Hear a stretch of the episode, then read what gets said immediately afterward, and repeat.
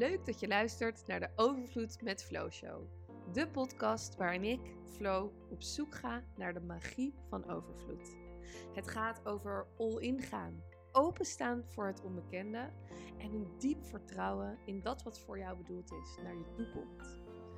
Aan de hand van mijn persoonlijke ervaringen en gesprekken met inspirerende gasten neem ik je mee op mijn reis naar overvloed met Flow. Wil je de magie van overvloed wekelijks activeren? Abonneer je dan op de show. Yes, je bent ondernemer en hebt onlangs een van je drie bedrijven verkocht. En alsof twee bedrijven nog niet genoeg is, ben je ook nog mama van Kai. PR-bureau Snapper is verkocht, dus nu kan jij je aandacht volledig focussen op Reisdok, een reisblog, en je passiebusiness, waarbij je moeders begeleidt op het pad van ondernemen. No-nonsense ondernemen in combinatie met een gezin, zoals je het zelf noemt. Wat mij betreft creëer jij overvloed voor jezelf in de combinatie moederschap en ondernemen. En daarom ga ik vandaag graag met je in gesprek over hoe jij moeder zijn en ondernemer bent en overvloed ervaart in zowel tijd als financiën. Ik heb er heel veel zin in. Ik ook. En ehm, ja, Chantal Scham. Ja, wat een mooi uh, voorstel uh, rondje zo. Ja, ja. Nou, ik vind het altijd leuk om iets um, persoonlijk wat ik bij jou voel uh, te delen zo in, het, in het introotje. Um, en mijn vraag daarna is altijd eigenlijk van na deze woorden wil je zelf nog iets over jezelf vertellen? Nou, ik moet zeggen dat je het redelijk goed hebt omschreven. Absoluut. Nee, ik, ja, ik, ik, ik vind het altijd heel lastig om mezelf inderdaad voor te stellen als in ik heb het heel vaak inderdaad over wat ik als ondernemer doe. En inderdaad ook, en ik ben moeder. Zo, eigenlijk precies zoals je het schrijft. Terwijl eigenlijk ben je natuurlijk als persoon veel meer dan dat. Maar dat is toch in de waan van de dag of gewoon normaal gesproken heb ik het daar niet over. Als ik me voorstel, dan koppel ik dat toch vaak aan die twee dingen. Ja. Ja, en wat, wat is dat dan? Ik ben meteen heel nieuwsgierig. Want ik, ik herken het natuurlijk eigenlijk wel. Want altijd als je jezelf gaat beschrijven, dan komt er meteen eigenlijk een soort labels naar boven van ik ben moeder, ik ben ondernemer, ik ben coach of ik doe ja. dit. Of Alsof je daar een soort van bepaalde eigenwaarde of zo aan. En net als dat als mensen inderdaad vragen, als ze een poosje niet hebben gezien, van hoe gaat het op je werk? Van wat doe je voor werk als je iemand voor het eerst ontmoet bijvoorbeeld? En eigenlijk erger ik me daar kapot aan dat daar zoveel waarde aan wordt gegeven in onze maatschappij. Want je werk is niet wie je bent. Maar toch is dat wel wat je ja, en hoe zie je dat dan bij jezelf? Want in hoeverre is het werk wat je doet wel zeg maar wie je bent? Nou, ik, ik denk zeker met, nou, mijn passieproject, dat is echt wel wie ik ben. Omdat ik, ik gun echt vanuit de grond van mijn hart gun ik gewoon echt andere moeders echt een, het leven zoals ik hem leid. Niet zozeer als in hoe ik hem invul natuurlijk, maar wel hoe relaxed ik in het moederschap sta. Eh, dat ik echt leef op mijn eigen voorwaarden. Dat ik er altijd voor mijn kind kan zijn als het nodig is en ook wanneer ik het wil. Mhm. Eh, want ik wil er ook op de leuke momenten natuurlijk voor hem kunnen zijn. Ehm, en dus dat vind ik wel echt wel wie ik ook gewoon als, als mens zeg maar ben. Weet je, dat ik inderdaad gewoon mhm. wil leven op mijn eigen voorwaarden. En ik kan dat doen door het ondernemerschap. Gewoon hoe ik inderdaad mijn werk heb ingericht. Maar zoals mijn snapper was zeker niet meer wie ik was. Daar, daar koppelde ik echt zeker geen waarde meer echt aan. Terwijl het is een prachtig bedrijf, alleen niet meer, was niet meer voor mij. En, en met reisdok merk ik ook dat ik dat eigenlijk toch steeds minder heb. Dat was een hele poos wie ik was. Ik was gewoon Chantal die altijd op reis was en daar heel graag haar beste tips over wilde delen. Maar ik ben dat een beetje ontgroeid. Ja. Ja. Ja, dus eigenlijk veranderen die labels ook, of die labels noem ik het gewoon ja. niet maar, maar dat verandert ook gaandeweg. En eigenlijk ben je natuurlijk al, je was al, je was al onder was, je, je bent al begonnen met ondernemen voordat je moeder werd. Ja. En kan je iets vertellen van hoe dat er dan voor jou bij kwam? Want je zegt, ik heb mijn leven of mijn bedrijf zo ingericht dat ik er voor mijn kind kon zijn. Maar dat, daarvoor wist je natuurlijk nog niet van, als ik moeder ben, dan ziet het er zo uit. Of had je daar al wel nee, nou, een beeld van? Ik heb um, mijn kinderwens, die, die was nooit zo groot als wat veel andere vrouwen hebben. Die dat echt gewoon van jongs af aan al weten van nou, ooit wil ik gewoon moeder worden en dat ervaren. En ik heb dat echt pas veel later gekregen. En dat komt echt door mijn vriend. Die, had dat, die, nou, die was wat dat betreft echt degene die uh, uh, de, de rammelende eierstokken zeg maar had. Uh, echt al van, vanaf het moment dat ik hem leerde kennen. Dat is 2008. Dat is echt al heel lang. Dus hij heeft het lang volgehouden dat hij op mij moest wachten. Want mijn kind is nu anderhalf. Dus bedankt Thijs. Ehm, dus hij heeft mij daar meer in, in gekregen. Maar ik heb, toen ik in loondienst was, zat ik nooit op mijn plek. Ik, ik had altijd banen die op zich best leuk waren, maar ik voelde me niet... Ik voelde me daar gewoon niet mezelf of zo. Ik voelde me gevangen. Ik, Mhm. eh, ik, ik, was, ja, ik ging met tegenzin heen. Dat je, dat je op zondagavond op de bank zat. Zo'n steen in je maag had van shit, ik moet morgen weer. En dat je eigenlijk op maandag alweer aan het aftellen bent naar het weekend. Heb ik bij elke baan gehad. En toen dacht ik, ja, zolang ik niet blij ben met mijn werk. En dat dat, want het is zo'n groot deel van je leven, of je het nou wil of niet. Weet je, ja, we leven ook in een maatschappij dat je gewoon geld moet verdienen. Om rond te kunnen komen en je, en je, je ding te doen. Maar ehm, ik had voor mezelf dan ook echt bedacht van ja, zolang ik dat niet goed op orde heb, wil ik überhaupt nog niet aan kinderen beginnen. Want ik wil gewoon echt een goede basis kunnen bieden Mhm. aan mijn kind en een goed voorbeeld kunnen zijn. En voor mijn gevoel was dat ik, wil- ik ben het beste voorbeeld voor mijn kind als ik zelf gelukkig ben met hoe ik mijn leven leid. Ja. Eh, En dan ben ik ook veel relaxter. En ik, ik had gewoon zoveel stress op dat moment dat ik dacht, nee, dat wil ik niet. En toen ben ik uiteindelijk gaan ondernemen. En dat bleek wel echt helemaal mijn, mijn ding te zijn. Eh, en ik heb meerdere dingen natuurlijk wel nu gedaan. Ik heb meerdere bedrijven. Ja. Maar ehm, ja, ik moest daar echt eerst mijn weg in vinden en dat ervaren. En mijn leven inderdaad zo inrichten dat ik echt op mijn eigen voorwaarden kon leven. Dat ik niet per se van 9 tot 5 hoefde te werken. Dat ik vrij kon nemen wanneer ik wilde. Dat er niet per se mensen op bepaalde momenten aan mij eh, verbonden waren. Dus dat je echt keiharde afspraken bijvoorbeeld had.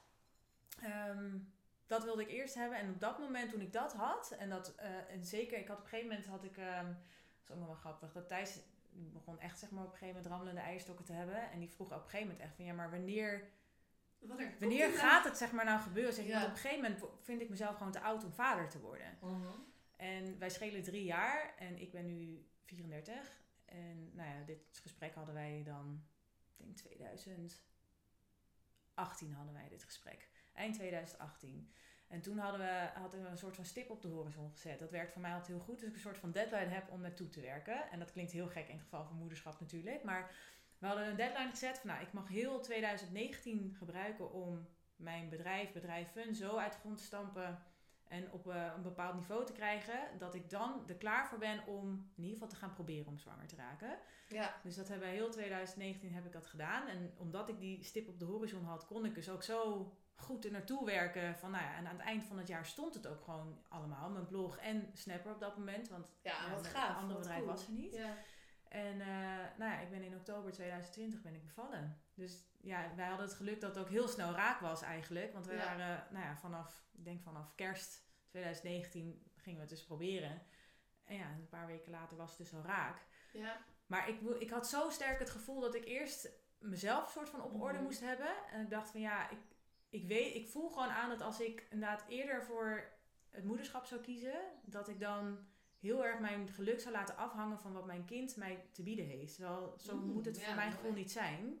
Ik wil juist zelf helemaal gelukkig zijn met hoe mijn, hoe mijn leven is, zodat ik mijn kind zelf meer kan bieden. Ja. Ja, zo is het eigenlijk gegaan. En Ja, cool. Ja. Heel mooi. Heel mooi. En ik kan meteen allemaal vragen naar boven over dingen waar ik dan geïnteresseerd in ben of hoe je daar naar kijkt.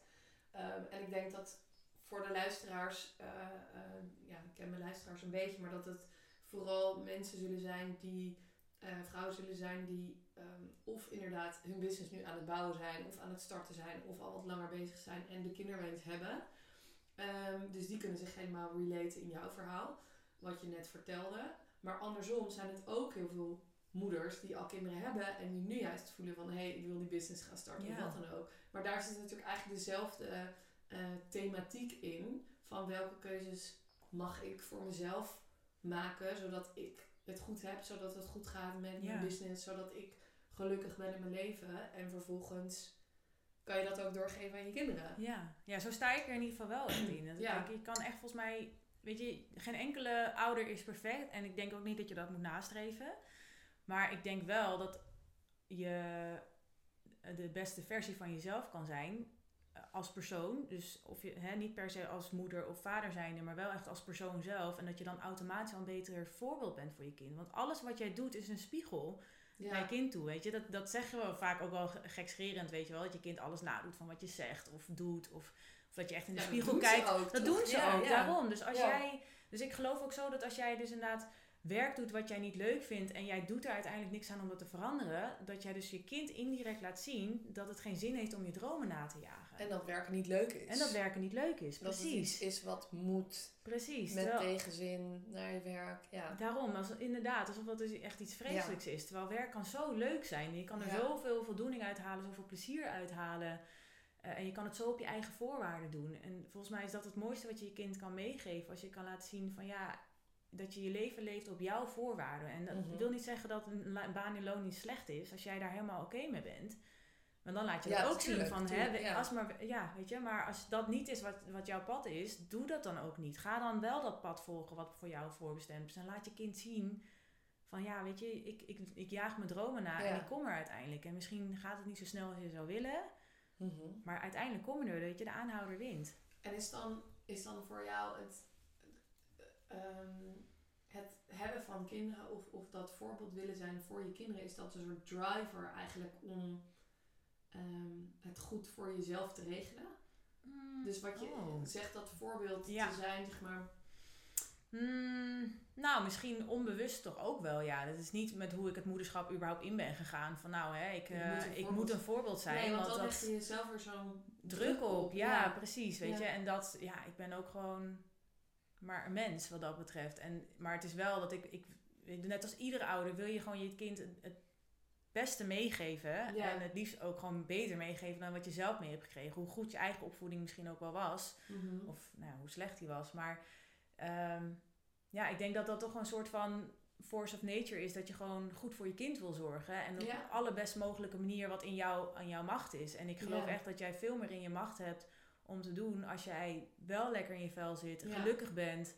eh, en gewoon ook echt gewoon jezelf gewoon nog steeds bent. Je Mhm. bent ook nog steeds je, jezelf. En je bent niet alleen maar moeder. Weet je, je bent ook gewoon nog een persoon en een individu. Ja, en een leuke partner. En, eh, Ook dat, tuurlijk. Dat is, net, dat is nog net zo belangrijk. Weet je, je hebt er alleen nu gewoon een extra rol bij gekregen. En het is wel een hele grote rol, natuurlijk. Ja. Maar het is ook niet... Je leeft niet alleen maar voor je kind. Want dat is ook weer een bepaalde druk die je aan je kind oplegt. Dat je kind dan dus eigenlijk je indirect van alles moet bieden. Omdat jij al je geluk laat afhangen van wat jouw kind... Ja, mooi. Weet. Ja. Ja. ja. Ja, en dan kom je natuurlijk ook een beetje op het stukje familie, eh, familiesystemen. Waar wij eh, elkaar ook hebben ontmoet op, eh, op een event van Ilona Alma. Ja. Die ook in een andere podcast zit. Ja. Ehm, waar we een dag hadden over systemisch werken. En ja, hoe... Ja, we vinden het allebei heel interessant. Zeg maar, hoe die familiesystemen, hoe dat werkt. En, en wat je daarin meeneemt. En dan ehm, voel ik ook heel erg in jouw verhaal. Wat ik super mooi vind, is dat je... ehm, ja, zoals ze dat in het systemisch werken zeggen. Maar dat je gewoon echt je eigen plek inneemt. Dus eh, ten opzichte van je ouders is, is natuurlijk vaak iets ehm, gebeurd. Of weet ik veel, dat je Mhm. in- interesse hebt in de familiesystemen. Dat je denkt van, hé, hey, daar wil ik iets mee doen. Naar mijn eigen ouders. Maar dat je wel nu, met het bewustzijn van nu, je eigen plek inneemt als moeder. En weet, oké, ik heb te geven aan mijn kind. Want dat is eh, een van de basisprincipes van het familiesysteem. Van eh, ouders geven aan kinderen. Dus daar is ergens een dis disbalans, zeg maar. Dat is logisch, dat Ja. hoort erbij. Ehm, maar wat ik ook gewoon heel erg voel, is dat je heel steady staat in jouw plek. En dat vind ik heel mooi. Weet je, dat het niet is wat je net zegt, van dat je het weer voor jouw kinderen alleen maar gaat dragen. Nee. En dat herken ik zelf ook heel erg.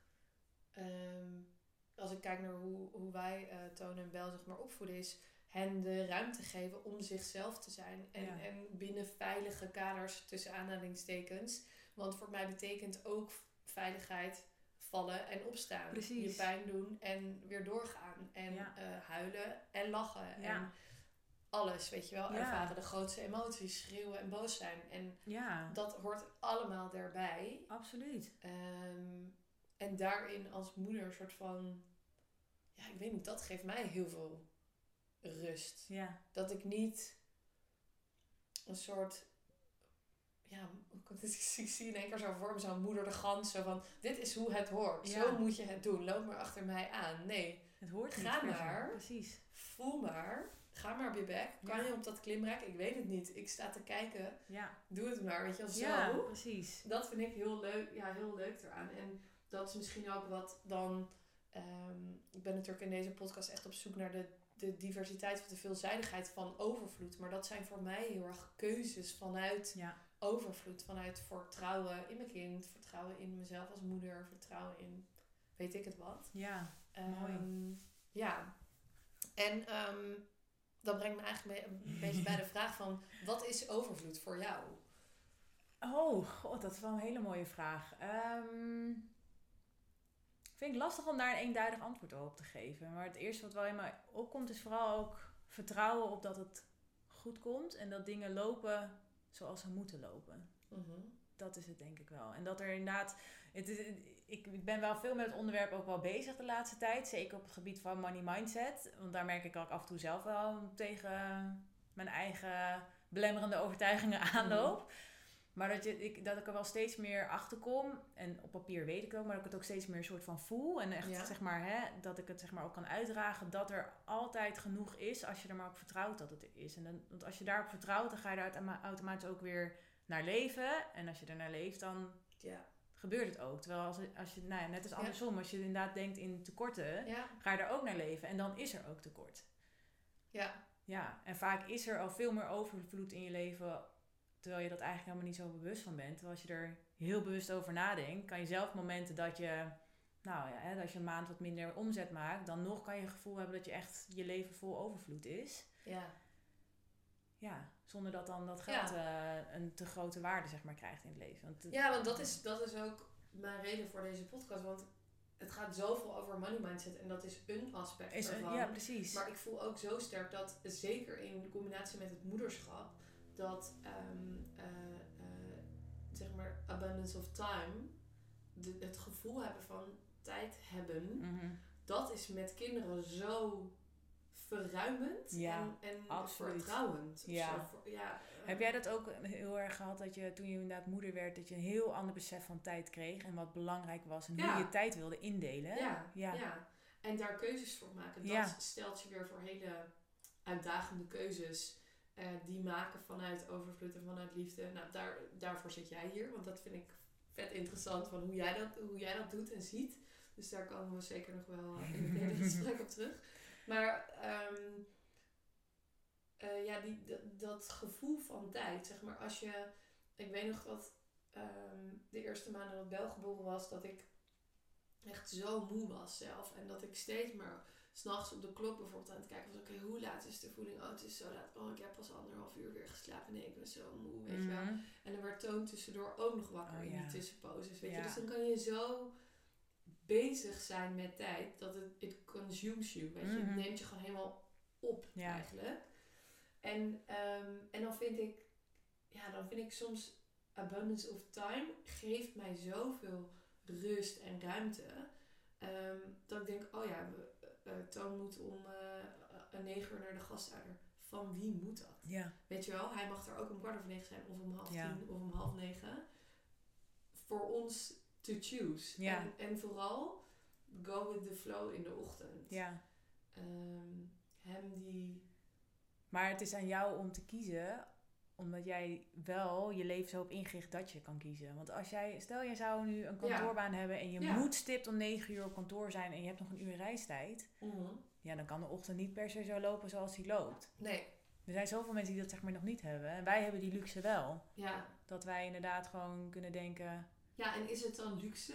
Of, of, want wat jij zegt, ik gun andere moeders dit ja, ook. nee, het is geen luxe. En ik vind dat gewoon een soort van basisrecht. Alleen onze, onze hele maatschappij is niet zo er- ingericht. Nee.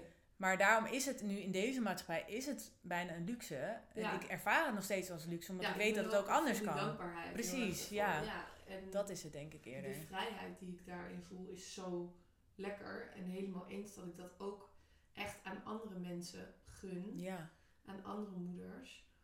Ehm, ja, en nu komt in één keer bij me naar boven dat ik toch denk van ja, het is wel ehm, de keuze om te gaan ondernemen. En daar heb jij natuurlijk heel veel mee te maken. En ik ook met vrouwelijke ondernemers. Maar de keuze om te gaan ondernemen is toch heel vaak spannend. Omdat we denken dat we heel veel geld moeten verdienen. En daar leg ik even de nadruk op. Want dat je daar heel hard voor moet werken ja, om zeg maar hetzelfde salaris te verdienen als je in loondienst doet. Ja. Ehm, terwijl eigenlijk, en dat vind ik gewoon altijd een hele fijne, ik weet niet meer van wie ik dat ooit heb, eh, ooit heb geleerd, maar dat door er anders naar te kijken, door te kijken van hé, hey, juist in ondernemer eh, zijn, heb je soort van alle kansen. Mhm. En ik zeg heel vaak tegen mijn klanten, zeg maar, iedere klant die jij spreekt, kan je iets aanbieden. Precies. Het gaat er alleen maar om dat je dat doet. Mhm. Dus bij wijze van spreken, als ik iemand aan de telefoon heb, kan je zeggen: hey, kan je een online cursus verkopen als je die hebt? Of we kunnen een uur samen coachen, of we Precies. kunnen een hele dag samen. Je kan altijd Ja. iets aanbieden. Klopt, ja, klopt. Nou, en ik denk ook wel wat, nou ja, wat je zegt, hè, dat vaak ook v- nou ja, veel, doe ik even tussen aanhalingstekens, eh, veel geld verdienen vaak gekoppeld is aan hard werken. Mhm, Nou ja, A, ja. wat is veel? Dat is voor iedereen anders. Ja, Ehm, en ja, hard werken, ja, het is, is het inderdaad hard werken of is het veel werken? Want ik werk ook hard, maar ik werk echt geen 40 uur in de week of nog meer. Dat heb ik echt sinds Kai is geboren nooit meer gedaan. nee. Ik werk er hard, maar ik werk vooral efficiënt. Dus ik doe gewoon heel veel in korte Ja. tijd. Ja. Omdat ik mijn tijd gewoon zo goed mogelijk wil benutten. Dus ik zie hard werken ook niet per se als iets negatiefs, maar ja, maar dat is heel fijn, want dat is wat, ja, wat ik bij veel vrouwelijke ondernemers wel zie, bij veel klanten van mij, dat, dat hard werken, en ik herken het zelf ook, dat zijn zoveel overtuigingen die je Mhm. daarvoor mag aankijken, mag wegnemen, eh, eh, om meer te ontspannen in het ondernemen, meer relaxedheid te mogen ervaren, weet je wel. En ik vond het bijvoorbeeld heel leuk, want ehm, we hebben natuurlijk al eerder afgesproken. Gewoon voor de gezelligheid was dat. Toen wilden we de podcast opnemen, maar dat gebeurde Het niet. kwam, het kwam er gewoon niet van. Nee. Maar nu zitten we hier toch? Ja. Eh, dat zou ook wel ergens eh, de bedoeling zijn dat dat vandaag is. Maar toen vond ik het ook zo chill. Want jij zei, ja, ik, eh, ja, ik heb wel om 12 uur een afspraak. En toen ging je weg. En toen zei je, ja, nee, ik ga even met mezelf in een koffietent zitten. En ik ga even lekker shoppen. Toen dacht ik, oh, dat is chill. Dat vond ik zo inspirerend. En dat raakte me echt. Omdat ik dacht, oh ja, dat kan ik ook doen. En Thijs en ik hadden toen een vrije middag. Toen zei hij, je kan ook gewoon naar een spa gaan nu toch, als je daar zin in hebt. Dus ik keek Thijs aan en ik dacht, ja, we gaan. En toen gingen we. En het was zo heerlijk. En het was maar voor een paar uurtjes. Maar dat was een abundance of time. Het leek Ja. wel Heerlijk, hè? drie dagen bij wijze van Ja. spreken. Omdat we ja, dat gewoon niet hadden gedaan. Dus daarin ja, zie ik echt een, een, een, een gave van jou ook. Hoe je dat zo relaxed kan laten lijken. Maar dat is het voor jou volgens mij ook. Ja, nou, dat is wel een proces geweest hoor. Ik kan het nu ook gewoon prima doen zonder schuldgevoel. Mhm. vroeger had ik, nou vroeger, dat is echt nog het is een paar jaar geleden. En zeker voordat Kai er was. Als ik dan bijvoorbeeld een middag vrij nam. Terwijl ik heb geen vakantiedagen. Ik kan gewoon stoppen met werken wanneer ik wil. Als ik dat dan deed zonder dat ik met iemand had afgesproken bijvoorbeeld. Geen Ja. afspraak had staan. Als ik dan bijvoorbeeld dacht, nou ik heb gewoon zin om even lekker te Netflixen of zo. Ja, Dan voelde ik me toch schuldig omdat er Ja. zoveel werk blijft liggen voor je gevoel. Omdat je nog zo'n lange to-do-lijst hebt. Maar die to-do-lijst die hou je altijd. Of je nou in loondienst bent of niet. Er is altijd wel weer nieuw werk wat, ja, wat Ja. er zeg maar opgezet kan worden. Maar dat is ook een keuze als ondernemer of je dat erop wil zetten of niet. ja. Eh, dat is ook wel een valkuil. Dat je er alles wil doen wat aan mogelijkheden is. Want dat zijn het Mhm. natuurlijk ook. Van ja, met als ondernemer je kan doen wat je Alles, wil. Je hebt alle kansen. Maar dat is ook weer ergens een soort van benauwend. Van ja, maar wat moet ik kiezen dan? ja. En dat heb ik denk ik wel echt geleerd in de loop der jaren door en te kiezen. En dat ik ook wel besef van ja, ik, als ik heel veel werk, dan vind ik dat misschien heel erg leuk. Maar ik heb die ontspanning nodig om goed te kunnen werken. Want als ik nu zeg maar, nou zoals vorige keer dat we afspraken, dat ik inderdaad echt even bewust de tijd nam om even gewoon weer even winkelen gaan. Nu het allemaal weer open is, niet meer met mondkapjes Mm. hoeft. Ja, dat moest dan vorige week dan nog wel toen net. Het was net die dag daarvoor. En ik had dus geen mondkapje bij me, dus het, is, het hele verhaal is niet doorgegaan. Maar goed, dat Oh. is een heel ander verhaal. Maar, ehm Was niet de bedoeling. maar was dit de bedoeling? Ja. Maar ehm, ik besef me wel, hoe meer rust ik zeg maar pak en ook echt tijd voor mezelf heb, hoe meer ik, eh, hoe, hoe beter ik aan mijn bedrijf kan werken in het moment dat ik wel eraan werk. Want A, ik geef mezelf minder tijd om te werken, waardoor ik Mhm. bewuster keuzes maak in wat ik doe, maar ook de tijd die ik heb, die wil ik dan ook zo nuttig mogelijk besteden. Dus ik werk dan gewoon Ja. heel erg efficiënt, waardoor ik ook niet meer hoef te werken. Weet je, het is ook weer een soort van cirkel. Ja, ja. Ja, en omdat je dus goed voor Ja. jezelf zorgt, heb je ook energie. Je bent blij. Eh, je hebt weer zin om te gaan werken. En het, het Mhm. voelt niet meer per se als een moetje. Maar je hebt gewoon vooral echt weer de energie en plezier er ook echt in. En je houdt het denk ik er ook in. En ik plan ook wel heel bewust, zeker nu mijn zoontje er is, bewust tijd voor mezelf in. Omdat ik dan echt weet, ik ben dan echt een betere moeder voor hem. Ik ben gewoon een persoon die veel tijd met zichzelf moet doorbrengen. Weet je, dat is toch een beetje het introvert. Dat je, ja, je laat op door alleen te zijn ook. Ja. Ja, en hoe leuk ik mijn kind ook vind. Eh, en hij geeft me ook wel energie. Maar ja, laten we eerlijk zijn. Het kost ook gewoon energie. Aan het eind van de Ja. dag ben ik ook gewoon moe als ik een hele dag met hem ben geweest. Ja. Voel ik me wel moe en voldaan. Maar toch, ik ben wel moe. En dan Ja. laat ik toch meer op dan alleen maar te slapen. Dat ik ook gewoon inderdaad een moment voor mezelf heb. Dat ik gewoon goed in de agenda kijk van wanneer kan ik die momenten inplannen voor mezelf. En is dat dan in, in het inplannen, want ik denk dat dat al voor, voor heel veel mensen eh, een uitdaging is. ehm, voor de vrouwelijke ondernemers Mhm. die moeder zijn en luisteren. Denk van, hé, hey, hoe, ehm, hoe doe je dat dan? Dat inplannen, want je zegt, dan moet ik goed kijken naar welke momenten ik dan in mijn week heb. Maar begin je met het inplannen van je momenten voor jezelf? Ja. Of begin je... Nou, idealiter wel. Ja. Ik zeg nu wel ja, maar dat is ook niet elke week zo. Wat ik wel doe, is dat ik echt een vast moment in de week pak om een planning voor de week daarna zeg maar, te maken. Dus dat kan, nou, ik, dat doe ik het liefst op vrijdag, maar vaak is het eigenlijk zondagavond, de dag voordat mijn week in mijn hoofd dan begint. Ehm, maar dan kijk ik wel van, oké, wat staat er al ingepland qua afspraken? Eh, bijvoorbeeld zakelijk, maar ook privé. Eh, nou ja, hè, mijn vriend die werkt best wel onregelmatig, dus dan is het ook altijd Ja. even kijken van, nou ja, wat wat kan ik wel doen. En hij werkt, omdat hij zo onregelmatig werkt, en ik vind bijvoorbeeld sporten best wel belangrijk dat ik dat gewoon wekelijks twee à drie keer per week doe. ehm, dan plan ik dat in op momenten dat ik weet dat ik altijd zou kunnen. Dus ik sport heel vaak gewoon 's ochtends, nadat Kai bijvoorbeeld naar de opvang is, dat ik hem heb gebracht, of dat, ik, of dat hij bij mijn ouders of schoonouders bijvoorbeeld is, of gewoon bij Thijs. Ja. Weet je, in ieder geval dat ik, dat ik niet de hele dag met hem ben.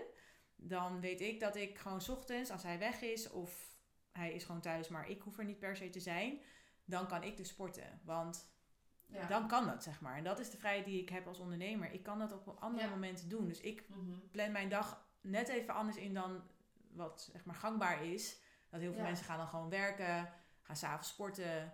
Eh, en Ja. ik, sport, ik begin mijn dag met sporten. Althans, nou, ik begin ook weer niet echt, want ik heb al een hele ochtendspits gehad met mijn kind. Maar ik begin dan en dan ga ik rond een uurtje of elf begin ik dan een keertje met werken. Ik stop om vijf uur, zodat ik gewoon nog een paar uur echt gewoon weer kwalitatief tijd met mijn kind heb.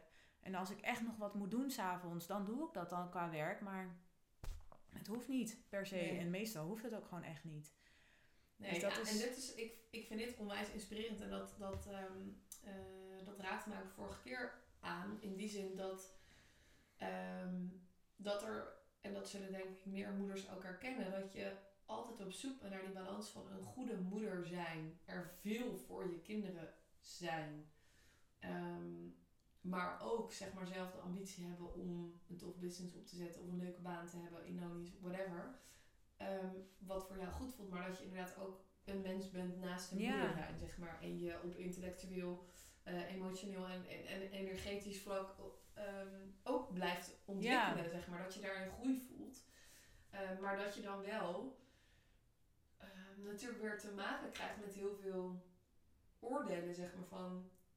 Bijvoorbeeld jij, jij zei van, oh, ik werk vijf dagen. Dus ik dacht, oh, wow, oh, vet. Dat vind ik echt cool om te horen, weet je wel. Omdat ik ja, ik weet niet, ik, ik voel beide, zeg maar. Ik Mhm. voel eh, mee met de moeders die zeggen van... hé, hey, ik, wil eigenlijk alleen maar met mijn kind zijn... want ik vind dat gewoon de mooiste baan. De Ja, baan en dat is helemaal oké, ja. Die dat is. En de ander die zegt, ik wil vijf dagen werken. En wat mij daar dus in raakte toen je dat zei, dacht ik van... oh, vijf dagen. Oh ja, ik zou wel lekker gaan op die, op die tijd alleen, weet je. Al die meertijd. Maar ja, om een kind nou iedere dag naar eh, opvang te brengen van eh 8 tot eh 6, weet je wel. Ja, nee, dat wil ik ook niet. Dat wil ik ook niet. Hm, dus wat wil ik? Zo was ik Mhm. een beetje daarna zo aan het ehm brainstormen. Maar toen zei hij ook van ja, ik werk gewoon vanaf 10, of dan ga ik eerst sporten, maar zeg van 10 tot 4, 5. En dan vijf dagen in de week. Wat dus eigenlijk betekent dat je iedere ochtend, nou bij ons zijn ze om half zeven, zeven uur wakker tot tien, heb je al drie Ja. uur quality time. En dan is genoeg Van vier, vijf tot zeven, Ja. half acht. Ja. Weer, maar dat iedere dag. Dat is hartstikke veel. ja, nou, maar dat is vond ik het. zo, ja, dat vond ik echt zo ehm verademing, zeg maar, om dat Ja. zo te zien. Want ik dacht, ja, ik, ik zou niet vijf dagen willen werken. Nee, dagen maar ik ook weg, niet. Want Nee. ik wil die momenten met mijn kind. Maar Precies. lekker als je jezelf vijf dagen van tien tot vier gunt. Die tijd alleen voor je business. Ja. Misschien met je partner af Ja. iets leuks te doen. Noem het maar. Vriendinnen, ja, weet je. Vriendinnen. Nou, ik, ik, en ik zie het ook, nou, daar hadden wij het de vorige keer inderdaad over. Het zijn vijf dagen in de week die ik heb, die ik zelf kan indelen. ja. En ik werk een groot deel van die tijd, maar ik plan daar ook gewoon mijn sociale activiteiten in. Ja. Weet je, dat, dat vind ik ook nog nog steeds belangrijk. Mhm. Al is dat natuurlijk wel zeker wel veranderd sinds Kai er is. Want ja, weet je, je hebt ook nu weer niet alle tijd van de wereld. Een groot deel van je tijd gaat ook gewoon naar Met zo hem, verzorgen, weet je wel. Ja, dat. ja. En dat, dat vind ik ook fantastisch en helemaal niet erg om te doen, want daar kies je natuurlijk ook voor. Maar ik vind het wel heel belangrijk. eh, Ja, ik weet ik, Misschien is dat ook wel iets wat gewoon in mij zat, dat ik gewoon zo bewust naar mijn tijd inderdaad heb gekeken. Van ja, maar hoe wil ik hem besteden? Mhm. En ik, eh, nou ja, bij ons kwam, kijk, ik heb ook wat dat betreft de luxe dat allebei de opa's en oma's heel graag een dag wilden oppassen. Eh, dus dan heb je al twee dagen in de week dat hij, nou ja, en dan gun ik het hun ook heel erg om een band met hem op te bouwen. En ik gun mijn zoontje ook om een goede band met zijn Ja, opa's en ja. op te bouwen. Hoe waardevol is dat? Ook om, ik heb dat zelf vroeger nooit zo gehad. En ik weet ook niet per se wat ik mis. Maar ik gun het hem wel om in ieder geval de kans zeg maar, te geven om ja. dat te doen. Ja. Eh, nou ja, Thijs die wilde ook gewoon een vaste dag door de week hebben, omdat hij heel vaak in de weekenden aan het werk is. Eh, nou ja, dus dag, dag drie. En ik weet niet in hoeverre het waar is, maar ik heb van meerdere kanten gehoord dat het dan pedagogisch beter is als je kind zeker op jongere leeftijd om twee dagen in de week naar een opvang of gasthouder Ja. wat te bre- brengen, omdat hij anders elke keer, elke week weer opnieuw zou moeten wennen, omdat zijn geheugen nog niet goed genoeg is om te onthouden dat hij daar ook Veilig is. Is, en zich precies. Ja. eh, dus dat hebben wij toen twee dagen gedaan. Maar dat betekent ook dat ik vijf dagen in de week, die waren gevuld. En Thijs en ik hadden toen ook de afspraak gemaakt van, nou ja, ik zorg gewoon dat ik er als moeder zijnde elk weekend ben, omdat hij vaak in de weekenden aan het werk is. Dus ik heb sowieso twee dagen in de week dat ik of alleen met hem ben. Ook nog, ja. Ook dus nog. dan al die ochtenden en Precies, daarom. middagavonden. Dus ja. ik, en, en wat ik ook, eh, dat is misschien wel ergens mijn voordeel dat ik op wat latere leeftijd moeder ben geworden. Want ik was net 33. Ehm, dat je ook al veel mensen om je heen hebt die al moeder zijn. eh, Ik was ook net niet 33. Oh ja? Twee weken. Oh, wat grappig. Ja. Ja, en 33 is mijn lucky number. Oh, Ja. maar ja, voor mij, ik zie het ook al als mijn geluksleeftijd hoor. Maar dat je, je ziet op die leeftijd heb je natuurlijk al, hè, eh, nou ja, mijn broer die heeft al, had al een tijdje, eh, een paar jaar kinderen, vriendinnen, steeds meer vriendinnen hadden ook. Dus je gaat ook Ja. een beetje kijken, hoe doen zij het? Zonder daar per se een oordeel aan te vellen, maar meer van, zou ik dit ook zo doen of niet? Ja. En op die manier konden Ja, wij... Thijs en ja, en Thijs en ik- ja, oh ja, mijn vriend heet We dus ook Thijs. Ja. Thijs. we hebben geen Thijs driehoeksrelatie, 1 en jongens. Thijs 2. Ja. Maar dus wij hebben er best wel veel gesprekken over gehad van ja, hoe zien wij dat zeg maar voor ons? En, wij, ja, en ik vind, vond het ook heel belangrijk dat voordat wij voor, ehm, ervoor zouden gaan, dat wij wel echt op één lijn zaten in de verwachtingen die we van elkaar hadden en hoe wij het voor ons zagen. Dat, dat niet, dat als Kai er eenmaal zou zijn, Mhm. eh, dat dat dan ineens zou gaan botsen. En nou ja, we hadden gelukkig dat we daar redelijk makkelijk uitkwamen. Maar toen hadden wij dus ook afspraak gemaakt van, nou ja, omdat mijn Thijs dan, dan de maandag altijd standaard thuis zou zijn. En zou ik er dus altijd in de weekenden zijn. En ik was toen ook dat ik dus niet, nou ja, mijn, mijn derde bedrijf wilde opzetten. Dus dat gaf mij ook weer extra tijd. Dat ik Mhm. door de week in ieder geval kon knallen wanneer ik dat zou willen. Ehm, maar ook inderdaad dat, dat eh, ik vooral elke dag gewoon echt quality time met hem wilde hebben. En niet Ja. zozeer dat ik er ben omdat het- ik het gevoel heb dat ik er moet zijn. Omdat dat ook weer de maatschappij is die zegt... Ja. ja, je bent een slechte moeder. Of dan ze zeggen het niet, maar het is toch vaak het gevoel wat ja, je... hè, het is met de, de, de moedermafia. Ehm, maar dat je dan inderdaad van ja, je moet dan ook nog bijvoorbeeld een dag door de week er ook voor zijn. Of je werkt maar drie dagen in de week. Dat is zeg maar het gangbare erin. Maar ik voel me daar dan helemaal niet goed bij. Omdat ik die tijd ook voor mezelf nodig heb. En denk, ja, als ik dan nu mijn eigen tijd... Ik heb die vrijheid om die, mijn eigen tijd in te kunnen richten. En in te kunnen delen. Ja, waarom zou ik altijd niet gelijk vanaf het eerste moment... op het moment dat ik me er goed bij voel... en dat ik dan ook weet dat als ik er dan ben... dat ik er ook echt ben. Dat ik dan niet Ja. nog met mijn hoofd bij werk zit. Dat mijn telefoon altijd in mijn hand is. Nee. Dat. En dan denk ik, ja, volgens mij heb ik voor mij, eh, ik heb nu gewoon echt een, een weg gevonden wat voor mij heel erg goed past. Waarbij ik weet dat ik elke dag ben ik met hem, alleen niet de hele dag. Maar de momenten dat ik er ben, is nog steeds een paar uur per dag. dan ben ik er ook volledig. En dan heb Ja. ik nul afleiding. En dan kan ik ook echt met hem zijn. In plaats van dat ik dat het voelt alsof het moet of zo. Dat ja, wil ik vooral voorkomen. Ja. ja, want ik had, wij hadden eh, toen Bel net geboren was en, en toen, ehm, want dat, dat moet ik wel echt zeggen, dat ik zelf het veel uitdagender vind, zeg maar, om twee kinderen te hebben. Ja. Ehm, maar dat komt vooral, want ik weet ook, dat hoeft ook helemaal niet voor iedereen zo te gelden. Maar bij mij komt het echt vandaan omdat ik met een patroon bezig ben wat gaat over eh, het goed genoeg doen. Mhm. En, en dat wordt natuurlijk ultiem getriggerd als ik Mhm. met twee kinderen tegelijk ben. Ja. Want dan kan je het eigenlijk niet goed genoeg doen. Want Toon die wil dat ik met hem ga puzzelen. Maar Bel die heeft borstvoeding nodig. Ja. Of weet ik veel. dus dat is echt mijn uitdaging nu in dit proces. Ehm, of op dit moment. En ehm, ja, da- dan word ik daar het meest in uitgedaagd. Zeg maar om, die, om, om dat aan te kijken van mezelf. Maar ook daarin, ja, ik laat dan het meest op als ik alleen ben. Of Mhm. ik geniet er bijvoorbeeld heel erg van als ik dan alleen met Toon nu naar de markt ga, samen op de fiets. Ja. Ehm, lekker wandelen daar, dan hij met zijn wagentje, gooien we lekker allemaal groente en Nou, fruit in wagen. Weet je wel, dan, dan zijn we echt maatjes. En dat voelt zo fijn. En nou ja, Bel heb ik een paar dagen weer ehm, naar de gastouder gebracht, maar toen toch weer teruggetrokken naar huis. Omdat ik voelde, hey, ik wil ook met haar gewoon een paar van die dagen alleen. Dus nu zeiden Thijs en ik ook van hé, laten we kijken of we gewoon op de dagen dat we met z'n vieren zijn, ook dat gewoon af en toe wat meer kunnen splitsen. Van Ja. Kan de een even met één kind zijn en de ander met het andere kind. Want dan dacht ik weer heel vaak, ja, maar we kunnen ook gewoon gezellig samen zijn. Maar dan ben je ook de hele tijd met z'n vieren, met z'n allen. En dan Ja. heb je ook niet echt die quality time met, Nee. nou ja, in dit geval. Maar dat is toch eigenlijk hartstikke goed dat je Ja. al überhaupt er zo bewust mee bezig bent. Van oké, Ja. ik, ik voel dit nu zo aan van wat, hoe het nu gaat. Dit is het zeg Klopt maar niet. Het klopt niet. En dat je dan wel gaat kijken van ja, maar hoe werkt het wel? En Ja, dat je gewoon gaat proberen. Weet je, aldoende leer je uiteindelijk wat goed voelt. En ook waar je kind natuurlijk goed op gaat. En ik denk dat het ook heel goed is dat je Mhm. quality time überhaupt met ieder van je kind ook hebt. Ik denk dat Ja. ieder kind dat ook echt wel nodig heeft. ja. En dat je, ja, het is leuk. en het is ook hartstikke leuk, precies. Ja. Maar je moet het wel inderdaad op een manier doen dat het ook leuk voor jou, zeg maar, is. Want als het alleen leuk is voor het kind, maar jij geniet niet, dan voelt dat kind dat denk ik ook aan. En dan, Ja, dat je Dan wordt die- dingen gaat die dan voor het kind leuk zijn of zo. precies, maar je kind vindt het vaak gewoon al leuk, gewoon Om puur samen te zijn. samen te zijn Ja. en gewoon aandacht te krijgen. En joh, Ja. al ga je inderdaad, eh, weet ik veel, even naar buiten en een blokje omlopen, dat vindt hij dan Ja. leuk.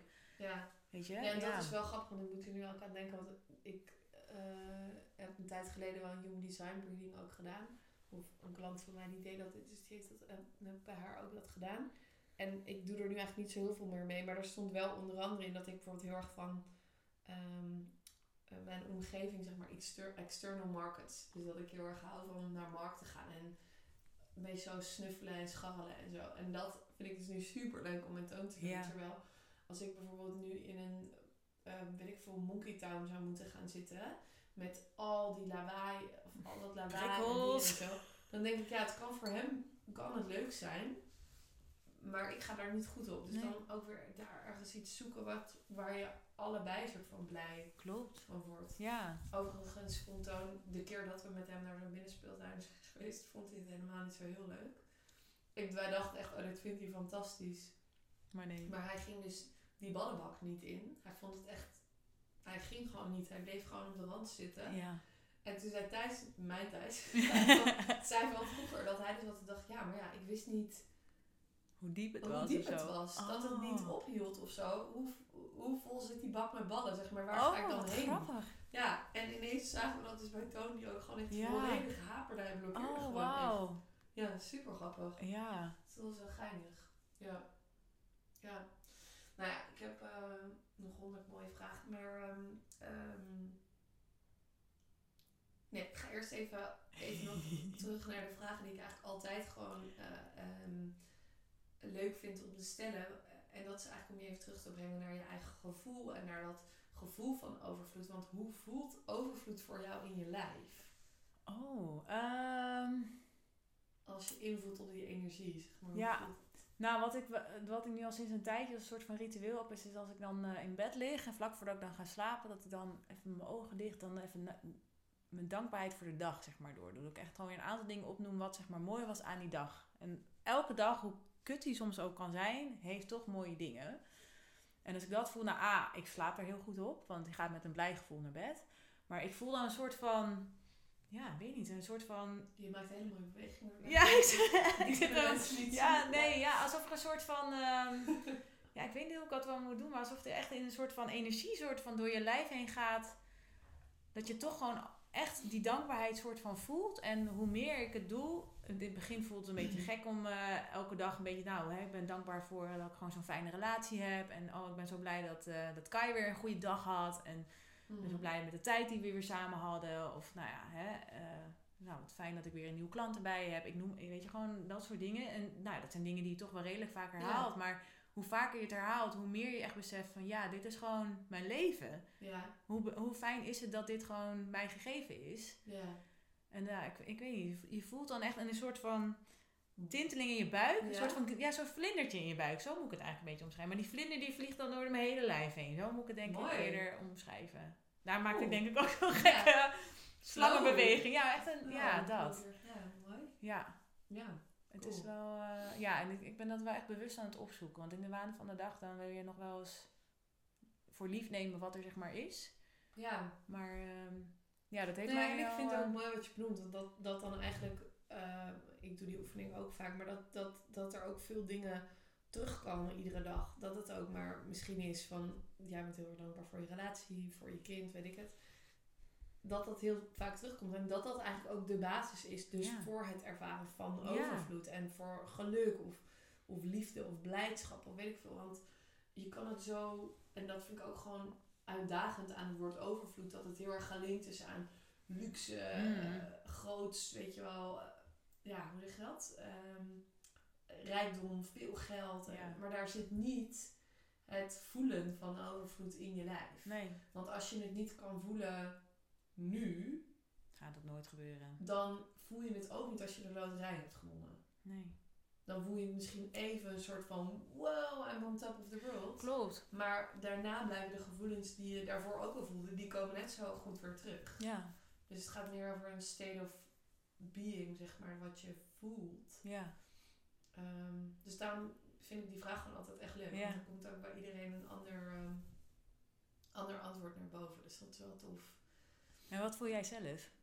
Ehm, ja, ik, ik, ik kan me wel echt eh, inleven in wat jij zegt, zeg maar. Wat voel ik zelf? Ik voel zelf...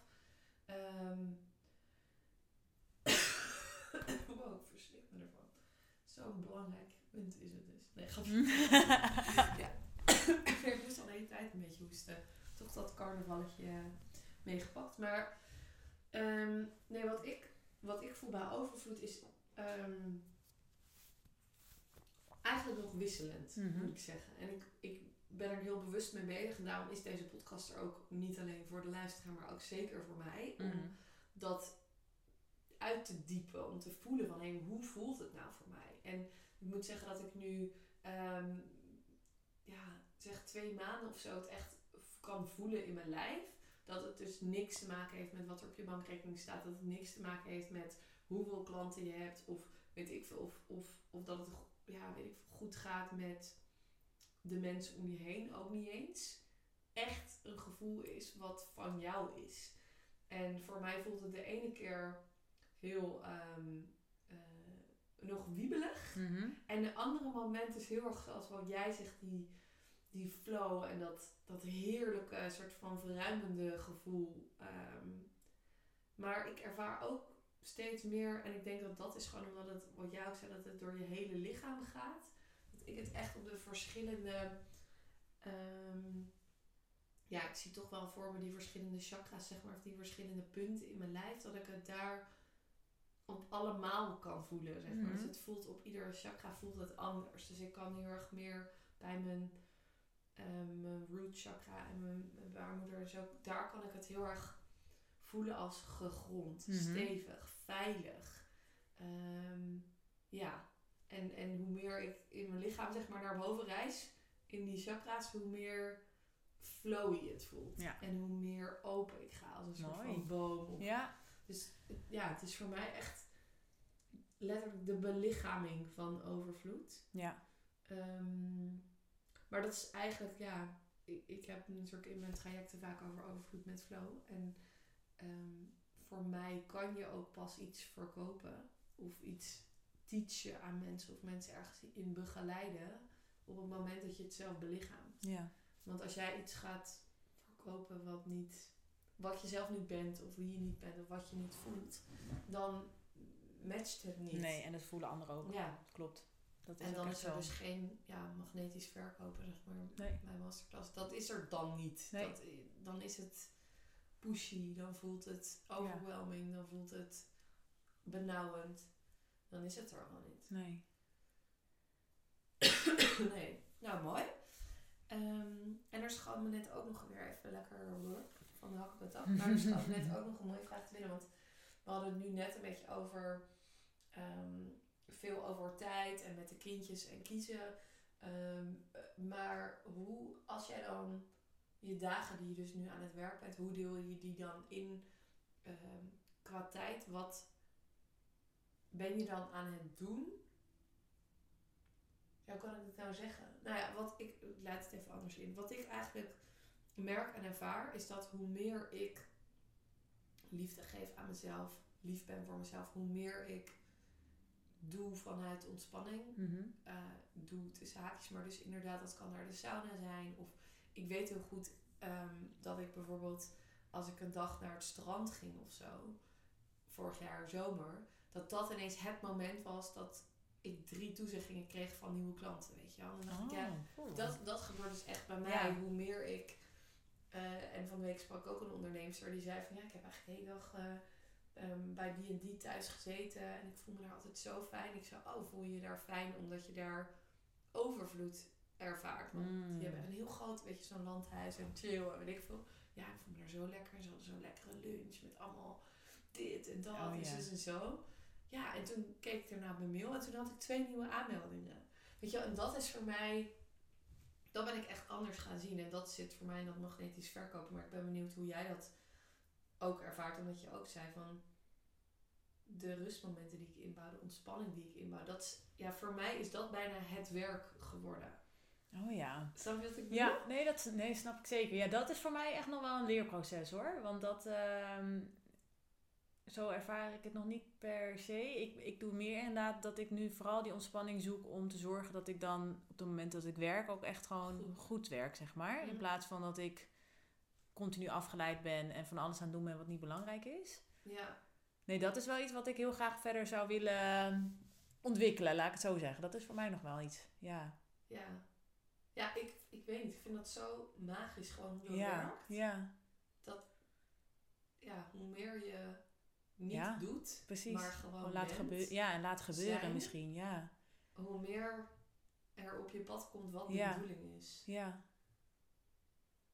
Ja, mooi. Nou ja, het is eh, mooi om eh, te streven, zeker. Ja, dat is mijn eh, overvloed met flow gevoel Ja, daarbij. Maar ik was even benieuwd hoe jij dat, hoe jij dat, ehm, hoe jij dat zag. En ik denk ook dat heel veel mensen zich ook herkennen in wat jij, ehm, wat jij zegt. Dat, en dat is al een super mooie stap natuurlijk. Dat je voelt wat je zegt.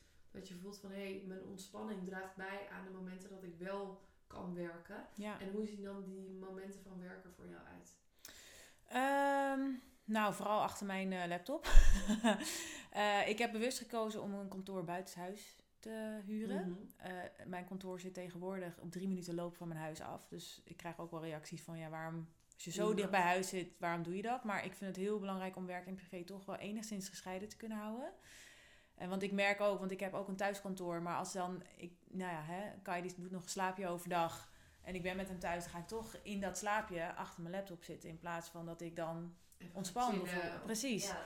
Oh, doe ik ja. dat toch vaak. Terwijl eigenlijk wil ik gewoon vaker dan mijn laptop op kantoor gewoon gaan houden, zodat ik het echt gescheiden heb. Ik heb Mm. bijvoorbeeld al wel, mijn telefoon is zo ehm, leeg mogelijk, dus ik heb gewoon werk, geen werkmail erop. Ik heb eh, s s'avonds na 9 uur kan ik eigenlijk nergens meer bij, eh, krijg ik geen melding meer binnen. Eh, ik, ik kan nieuwsites bijvoorbeeld ook niet meer checken op mijn telefoon. Alle ruis heb ik soort van weggehaald, eh, omdat ik weet dat ik daar best wel gevoelig voor ben. Als ik weet Ja. dat ik er toegang toe heb, ga ik het onbewust, ga ik toch naar nu.nl. Zeker nu in deze tijd dat er zoveel nou ja, gebeurt. Ehm, dus, dat, ik, dus ik heb sowieso, ik haal altijd de ruis weg. Ehm, ik maak aan het begin van de week een soort van overzicht wat, ik, wat mijn doelen zijn die week voor werk. wat, Mhm. wat moet echt gebeuren en daar maak ik een soort van taken onder. En die plan ik vervolgens in per dag. Dus ik kijk, nou ja, we hadden het natuurlijk eerder over hoe plan je je eigen Ja. momenten in. Nou, op hetzelfde moment dat ik mijn eigen momenten inplan en goed kijk welke afspraken zijn er, dan plan ik in wanneer doe ik wat. En wat vind ik handig? Dus ik heb bijvoorbeeld mijn ehm coachingafspraken met klanten. doe ik ook op bepaalde dagen in de week. Zoals maandag is bijvoorbeeld mijn contentdag. Dat is echt mijn soort van themadag. Dan maak ik alle content voor de week. Eh, nou, dinsdag was altijd mijn snapperdag. Die valt weg. Dus Freedom. ja, gaan we eens kijken hoe we die Ja, gaan ja, invullen. Ehm, en dan had ik inderdaad woensdag, donderdag, vrijdag. Dan, kon ik, eh, dan kunnen er coach eh, calls zeg maar, ingepland worden. Of dat ik ehm aftrapsessies heb met klanten. Ehm, en verder probeer ik dat allemaal of 's ochtends te doen of eind van de middag. Want ergens daartussendoor ben ik Mhm. vooral bezig, bezig gewoon lekker Ja. bezig. En de meeste afspraken die ik privé maak met vriendinnen doe ik ook vaak overdag. Omdat, nou ja, wat ik zei, s'avonds is Thijs vaak aan het werk. En ik wil niet afhankelijk zijn van zijn agenda per se Nee. om af te spreken. Nee. Ehm, zeker als je gewoon nog spontaan dingen zou willen doen. Dat vind ik ook gewoon nog steeds leuk. Dat je gewoon nog even een vriendin kan appen. Hey, zullen we even een wandelingetje maken? Of even een koffietje ergens Ja. halen. Ja. Dat dat zeg maar kan. Daarom En waren dan- wij natuurlijk ook zo blij dat we zo dicht bij elkaar Nou waren. ja, Op dat. En, eh, en zeker. Ja joh, een kwartiertje fietsen. Toch weer een eh, gezellige vriendin. Nou ja, maar dat kan wel gewoon Ja. nog, weet je, je hoeft het niet meer weken van tevoren te doen. En het kan ook gewoon overdag. En dan vind ik het ook, het, eigenlijk vind ik het idealiter heel fijn om het eind van de middag te doen. Zodat ik 's ochtends gewoon soort van meters heb gemaakt. Zodat ik dan daarna ook helemaal, ja kan zijn. En dat zeg ik terwijl het nu donderdagochtend is. wij hier samen zitten. is maar ook goed. een soort van werk. Is ook werk, precies. Maar ik merk wel, dat werkt voor mij heel goed. Dus het is eh, denk ik ook heel belangrijk dat als je eh, je eigen tijd kan in gaan delen als ondernemer zijn. En goed kijken wanneer heb je welke energie. Weet je, Mhm. mensen gaan soms. Ik ben als introvert, vind ik afspraken, weet je, sociale dingen vind ik heel leuk, maar het kost mij ook altijd energie. Ik heb altijd weer tijd nodig om op te laden. Ja. Dus als ik inderdaad hierna wegga, weet ik dat ik daarna niet gelijk ga werken. Dat Nee. kan ik dan gewoon niet. Ik moet even Ja. een soort van bijkomen. Een soort van, ja, dat klinkt altijd zo negatief, maar ja, dat is gewoon wie, wie ik ben en ik zie dat ook helemaal niet als iets negatiefs. En dan kan ik pas iets later weer aan de gang, maar dan verlies ik werktijd, om het zo maar even te zeggen. Terwijl als ik het dan 's ochtends mijn, hè, de, de harde to-do's zeg maar doe, echt mijn takenlijst soort van afwerk Mhm. en daarna een afspraak inga, dan, dan benut ik mijn tijd in mijn geval nuttiger. Maar dat is voor iedereen heel anders. Sommige mensen Ja. gaan juist heel goed op heel veel afspraken. En daarna nog wat doen, bijvoorbeeld. Ja. Ja. ik bijvoorbeeld niet. Ik moet niet vier coachcalls op een dag hebben, want dan ben ik helemaal leeg aan het einde van de dag. Dus, dus dat is denk ik heel Ja. belangrijk om ook zeker in mee te nemen van ja, wanneer, als je een planning voor jezelf gaat maken, wanneer ga je wat doen, zodat je je tijd het beste benut. Zodat je Mhm. dus niet uiteindelijk heel veel uur gaat werken of achter je laptop zit, maar eigenlijk helemaal niet nuttig Nee. bezig bent. Nee. Want dan ga je inderdaad heel veel werken om uiteindelijk wat geld te verdienen. Ja. Ja. Ja, ik weet even niet meer wat de initiële nee, vraag ik is. weet, ik weet ook niet meer. Het maakt niet uit. Nee, maar eh, oh ja, hoe, hoe mijn werkdagen eruit zagen. Ja, dat is ja, het verschil Nou ja, dus dag, maar wel op basis van je energie eigenlijk Ja. een planning maken. ja, En ehm, ja, op waar jij lekker op float, noem ik het maar Ja. even. Gewoon wat works for you. Precies. Ja, dat En- herken ik helemaal. ja. Ja. en door echt heel duidelijk eh, in te plannen wat nodig is. ehm, en ook gelijk in te plannen in de week wanneer je wat gaat doen. Ga je ook heel snel zien dat je lang niet alles kan doen wat je eigenlijk het liefst wil doen. Dus je wordt veel Mhm. bewuster van hoeveel je in een bepaalde tijd kan doen. Eh, waardoor je ook, als je weet van nou, hè, ik heb van 10 tot 11 ingepland dat ik mijn Instagram post kan maken bijvoorbeeld en inplannen. Want ik ga daarna weer door met iets anders. Dan weet ik, ik heb maar een uur de tijd. Eh, waardoor je ook gaat zorgen dat het gewoon in een uur klaar is. Dat is ook Ja. weer de, dat, is Parkinson's Law volgens mij. Ja, ja, ja. Ja, ja, die, ja. ja.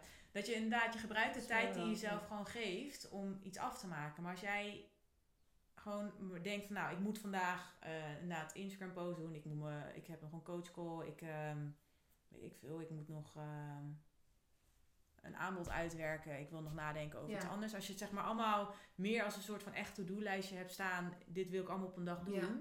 Kan ik je garanderen. De meeste mensen krijgen het echt niet allemaal af. Omdat je dan veel langer met iets bezig bent. Omdat je er geen tijd aan hebt gegeven. Ja. En als je er heel bewust zeg maar een uur voor hebt staan, dan ga je het ook gewoon een uur afmaken. Ja, en het mooie vind ik dan wel om hem ook nog door te vertalen naar het thema overvloed in tijd. Dat je juist daarin heel ehm, zorgvuldig met je tijd omgaat. En je Precies. dus heel erg bewust bent van ehm, eh, ja, dat eh, zeg maar ja, ze zeggen natuurlijk ook soms tijd bestaat niet, maar eh, hoe lang je eraan kan besteden dat Ja. ook iets voorbij kan vliegen. Of Ja, dat het juist heel langzaam en heel stroperig kan gaan. Maar dat als je jezelf die tijd eraan geeft, dat je ook heel, ehm, ja, hoe zeg je dat, kostbaar met je tijd omgaat. Zo van, ja, weet je van, want dat zeggen natuurlijk ook heel vaak van die eh high gurus allemaal van, de tijd komt nooit meer terug. nee. Tijd is het meest belangrijke wat je Ja, maar dat is het te ook. leven hebt, Precies. zeg maar. En als je dus inderdaad, als jij zegt van, oh je bent een uur met Instagram post bezig, weet ik veel, en je bent er eigenlijk vijf uur lang mee bezig. Maar, je bent, na dat eerste uur ben je eigenlijk wel helemaal klaar en gaar en is je energie er ook wel klaar mee. Maar je gaat toch soort van door. Ja. Dan, Nou ja, precies. Maar daarom is het ook zo belangrijk om te kijken wanneer ga je wat doen in de week. Ja. Weet je, omdat je zegt van ja, sommige dingen ja, moeten, tussen aankleidingstekens. Ja, Instagram is voor mij gewoon een belangrijk kanaal om mijn klanten te kunnen bereiken. Ik vind het ook een heel leuk kanaal, dus dat scheelt. ja, Ehm, maar ik weet ook, ik kan dat het beste bijvoorbeeld op een maandag doen. Als ik net lekker hè, uit het weekend kom en ik zit gewoon helemaal... Ja. Ik heb weer zin om aan de slag te gaan. Dan kan ik ook vol energie die post gaan schrijven. Omdat Ja. ik dan weer zin Ja. heb om het te doen. Terwijl als ik dat op vrijdagmiddag zou inplannen, is dat heel anders. ja, En ik weet dat voor sommige mensen werkt het heel goed om gewoon in de flow een post te maken. Maar ik weet dan, ik doe het dan gewoon niet. Dan krijg ik wel een idee en dan heb ik allemaal inspiratie. Maar ik ga het, niet- Mhm. ik, ik ga het dan niet helemaal uitwerken omdat ik dan bijvoorbeeld met mijn zoontje ben. En dan vind ik mijn zoontje op dat moment belangrijker. Ja. Weet je, ja, dan ben ik eerder, dan app ik mezelf het, het onderwerp wat ik heb bedacht van, oh ja, hier ga ik volgende week even een post over maken. En dan Ja. schrijf ik op maandag. Ja. dan, maar dan voel je nog steeds die energie die ik dan voel, omdat ik weet op maandag zit Dat ik vol de energie. Weet je, dus je wil, ja, dus dat, ik denk dat dat echt wel heel belangrijk is om te zorgen dat je niet te veel werkt, eh, of dat je meer werkt dan nodig is, door heel goed te kijken van wat echt nodig is binnen je bedrijf om het te krijgen. Want lang niet alles hoeft wat je jezelf aanpraat. Net als dat mensen die net gaan beginnen met ondernemen als eerste een website gaan maken. Dan denk je, ja, maar daar moet je niet mee beginnen. Nee. Die heb je niet eens nodig om nee. een bedrijf eh, draaiende Nee. of up and running te krijgen. En Omdat ze nog, als ik iets op mijn website heb, dan, dan verkoopt het meestal niet meer. Nou, En dat is helemaal interessant. Maar Ja. ik, ik zeg maar, ik verkoop Ja. gewoon het meeste in DM, gesprekken met mensen en bellen. En. Weet je, zo komen klanten bij mij. Precies. En dat is Eh, voor iedereen anders ja, natuurlijk. Ja. Maar, het is niet zoeken. nodig, weet je. Ik had ook mijn eerste klanten al voordat mijn website er helemaal was. Dat, maar je moet vooral zorgen dat je het op de goede mo- momenten, zeg maar, eh, doet. En Mhm. dingen doet die echt nodig zijn. Eh, en ook heel duidelijk is. echt nodig Ehm, om te starten. nou, een hele, gewoon een goede basis. Zeker als je nog nooit hebt, als je echt gaat beginnen met ondernemen en je hebt geen idee waar te beginnen, dan, nou ja, in mijn, ik heb een cursus ontwikkeld echt voor moeders die willen gaan ondernemen, Ja. maar het nog niet helemaal durven ook. Want, nou ja, ik snap het ook. Als moeder zijn heb je natuurlijk ook meer verantwoordelijkheden en is die stap misschien ook echt wel een stuk spannender dan wanneer je nog geen kinderen hebt. En ik moet eerlijk zeggen, ik vond die stap destijds zonder kinderen ook doodeng om te zetten. Want je geeft toch een mate van zekerheid op Ja. wat je niet van jezelf vertelt. Want zekerheid is ja. eh, sowieso een, eh, een vaag begrip. Eh, dus mijn, maar mijn cursus bestaat ook uit drie pijlers. Eerst is echt een stuk mindset. Dus echt het mentale ding om te zorgen dat je daadwerkelijk gaat geloven in dat je dit kan. Dat je die, die beren Ja, op de weg ja, ja, weghaalt. eh, die belemmerende overtuigingen gewoon inziet dat je ze hebt. En dat je daardoor, door, eh, door je bewust te zijn van Mhm. wat jou tegenhoudt, kan je er tenminste ook wat aan doen. Dus echt dat mentale stuk is, vind ik heel erg belangrijk.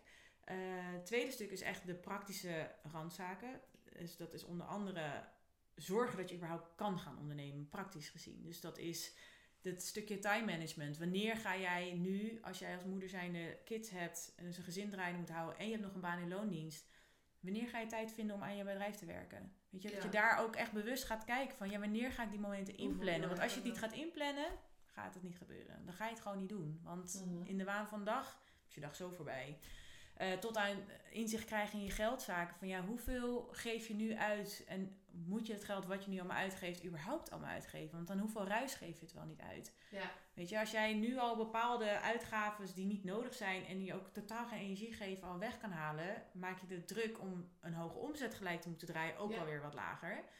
Ehm, dus nou, het hele praktische verhaal. En dan echt een stukje inhoudelijk je business idee uitwerken tot een plan. En ik ben z- echt ervan overtuigd dat als je als moeder zijnde een bedrijf opzetten, dat je een plan zoveel houvast kan geven.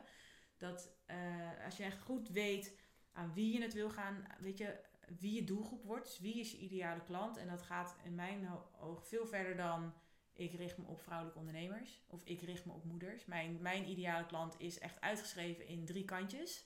Dat ik precies weet waar ze tegenaan loopt. Wat voor dromen ze heeft. Wat ze wil. Wat voor soort bedrijf ze wil opzetten. Ja. Hoeveel kinderen ze heeft. Hoe oud ze is. Wat voor opleiding ze heeft. Nou, hè, het is gewoon echt een, echt een persoon. Tot aan, oké, je aanbod. Wat ga je aanbieden? En is dat aanbod, komt dat overeen met wat jouw ideale klant nodig heeft? Want Mhm. als dat dan niet strookt, ga je het niet verkopen. Of je trekt mensen aan die je eigenlijk helemaal niet als klant zou Nee. willen. Nou ja, met het financiële plaatje, welke prijs ga je vragen en hoe ga je die klanten vinden? Dus dat is voor mijn ogen echt de basis. Dus het is verder dan alleen maar Ja.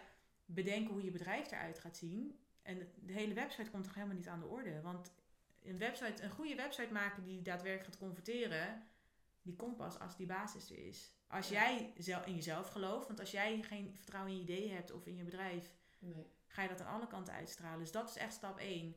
Dan praktisch mogelijk maken dat je kan gaan ondernemen. Want anders heeft een heel plan maken, ga je dan niet eens doen. Ja, en dat plan gaat ervoor zorgen dat je dan straks zo snel mogelijk je eerste klanten gaat trekken. Want je weet precies wie je als klant wil hebben, wat je gaat bieden, welk prijs je kan vragen. En dan kan je dus gelijk gewoon goed Ja. van start gaan. Ja, grappig. Ik moet helemaal. Ik, ik vind het namelijk super mooi wat je zegt, maar voor mij is het zo anders. Zeg maar. omdat Ja. Ik, ja, omdat ik ga echt eh, eh, bijna uit, zeg maar, van pla- planningen maken. Ja.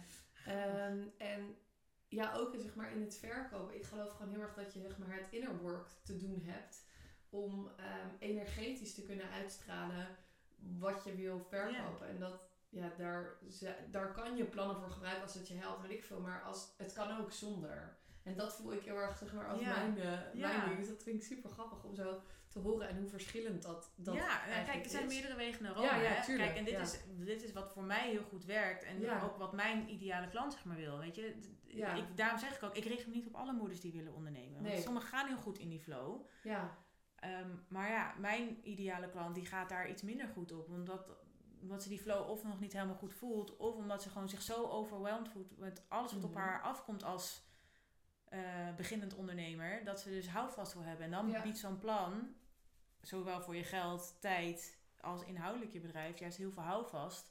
Dat zelfs op de momenten denkt, oh mijn god, hoe ga ik dit doen? Dat je weer daarop terug kan vallen. En dat je een soort van basis hebt liggen waar je mee verder ja, kan. Ja, ja. Grappig. Echt, eh, ja, heel grappig wat er gewoon in mij gebeurt. Maar bij is, bij mij is ehm, mijn intuïtie is mijn houvast. ja. Dus daar steeds naar terugkeren, zeg maar. In plaats van dus een plan, maar juist steeds voelen van waar wil ik naartoe bewegen. En welke, Ja. welke beweging wil ik maken, welke flow wil ik maken. En dat is echt ja, een hele andere manier van ondernemen. Maar daarom juist leuk dat we dit gesprek hebben. Want Ja. dan voelt iedereen die luistert wel van... hé, hey, waar heb je behoefte aan? Zeker, ja. Eh, Absoluut. waar, waar ben je bij gebaat? Of wat zou jij willen, weet je wel, daarin? Maar ik denk ook echt dat dat jouw kracht is hoor. Dat jij, jij voelt jouw intuïtie ook zo duidelijk aan. En jij, Mhm. jij durft daar ook zo goed op te vertrouwen. Kijk, want wij hebben daar vorige week ook over gesproken. Af, Ja. af en toe, dat ik heb af en toe moeite om bij mijn intu- in- intuïtie te komen. Als in dat ik weet, dit is nu mijn intuïtie die praat. Of is het Ja, het stemmetje in mijn hoofd wat juist mijn belemmerende overtuiging is. Ik kan soms niet helemaal goed eh, ja, benoemen Ja. welk stemmetje het zeg maar is, weet je wel, die, die praat. Dus ik, en, Ja, maar daarin kan ik me ook helemaal voorstellen dat zeg maar, een plan heel erg helpt om ehm, waarschijnlijk, want je bent super veel bezig met persoonlijke ontwikkeling en spiritueel ook, ook bezig dus met het, met het eh, ehm, visualiseren of het Ja. neerzetten van je doelen. En, en als je, eh, ja, ik, dat, ja, wat je zei, dat kan gewoon op verschillende manieren Zeker. natuurlijk. Dus als nu voor jou daarbij een plan helpt om daar te komen, dan is dat natuurlijk super tof. En Ja. er is ook geen goed en of fout nee, absoluut zo. niet. ehm, ja, ik was vroeger echt zo'n soort eh, structure, to-do-list, plannen, schrijven, dingen. Dat ik bijna meer tijd bezig was zeg maar, met het maken van de plannen dan daadwerkelijk Mhm. Het leven of het, het Ja. ondernemen of Ja. het, het plezier hebben erin. Ja. Dus het is voor mij echt een hele, hele weg geweest. En ergens dat ik jou dan zo hoor, denk ik, oh, maar ik mag wel weer even wat meer eh, ehm, structuur aanbrengen. In de zin van, ehm, structuur moet voor mij altijd eh, ehm, bijdragen aan mijn gevoel, zeg maar. Ja. Bijdragen aan mijn, dus het is altijd het gevolg van, of hoe zeg je dat? De, Ja.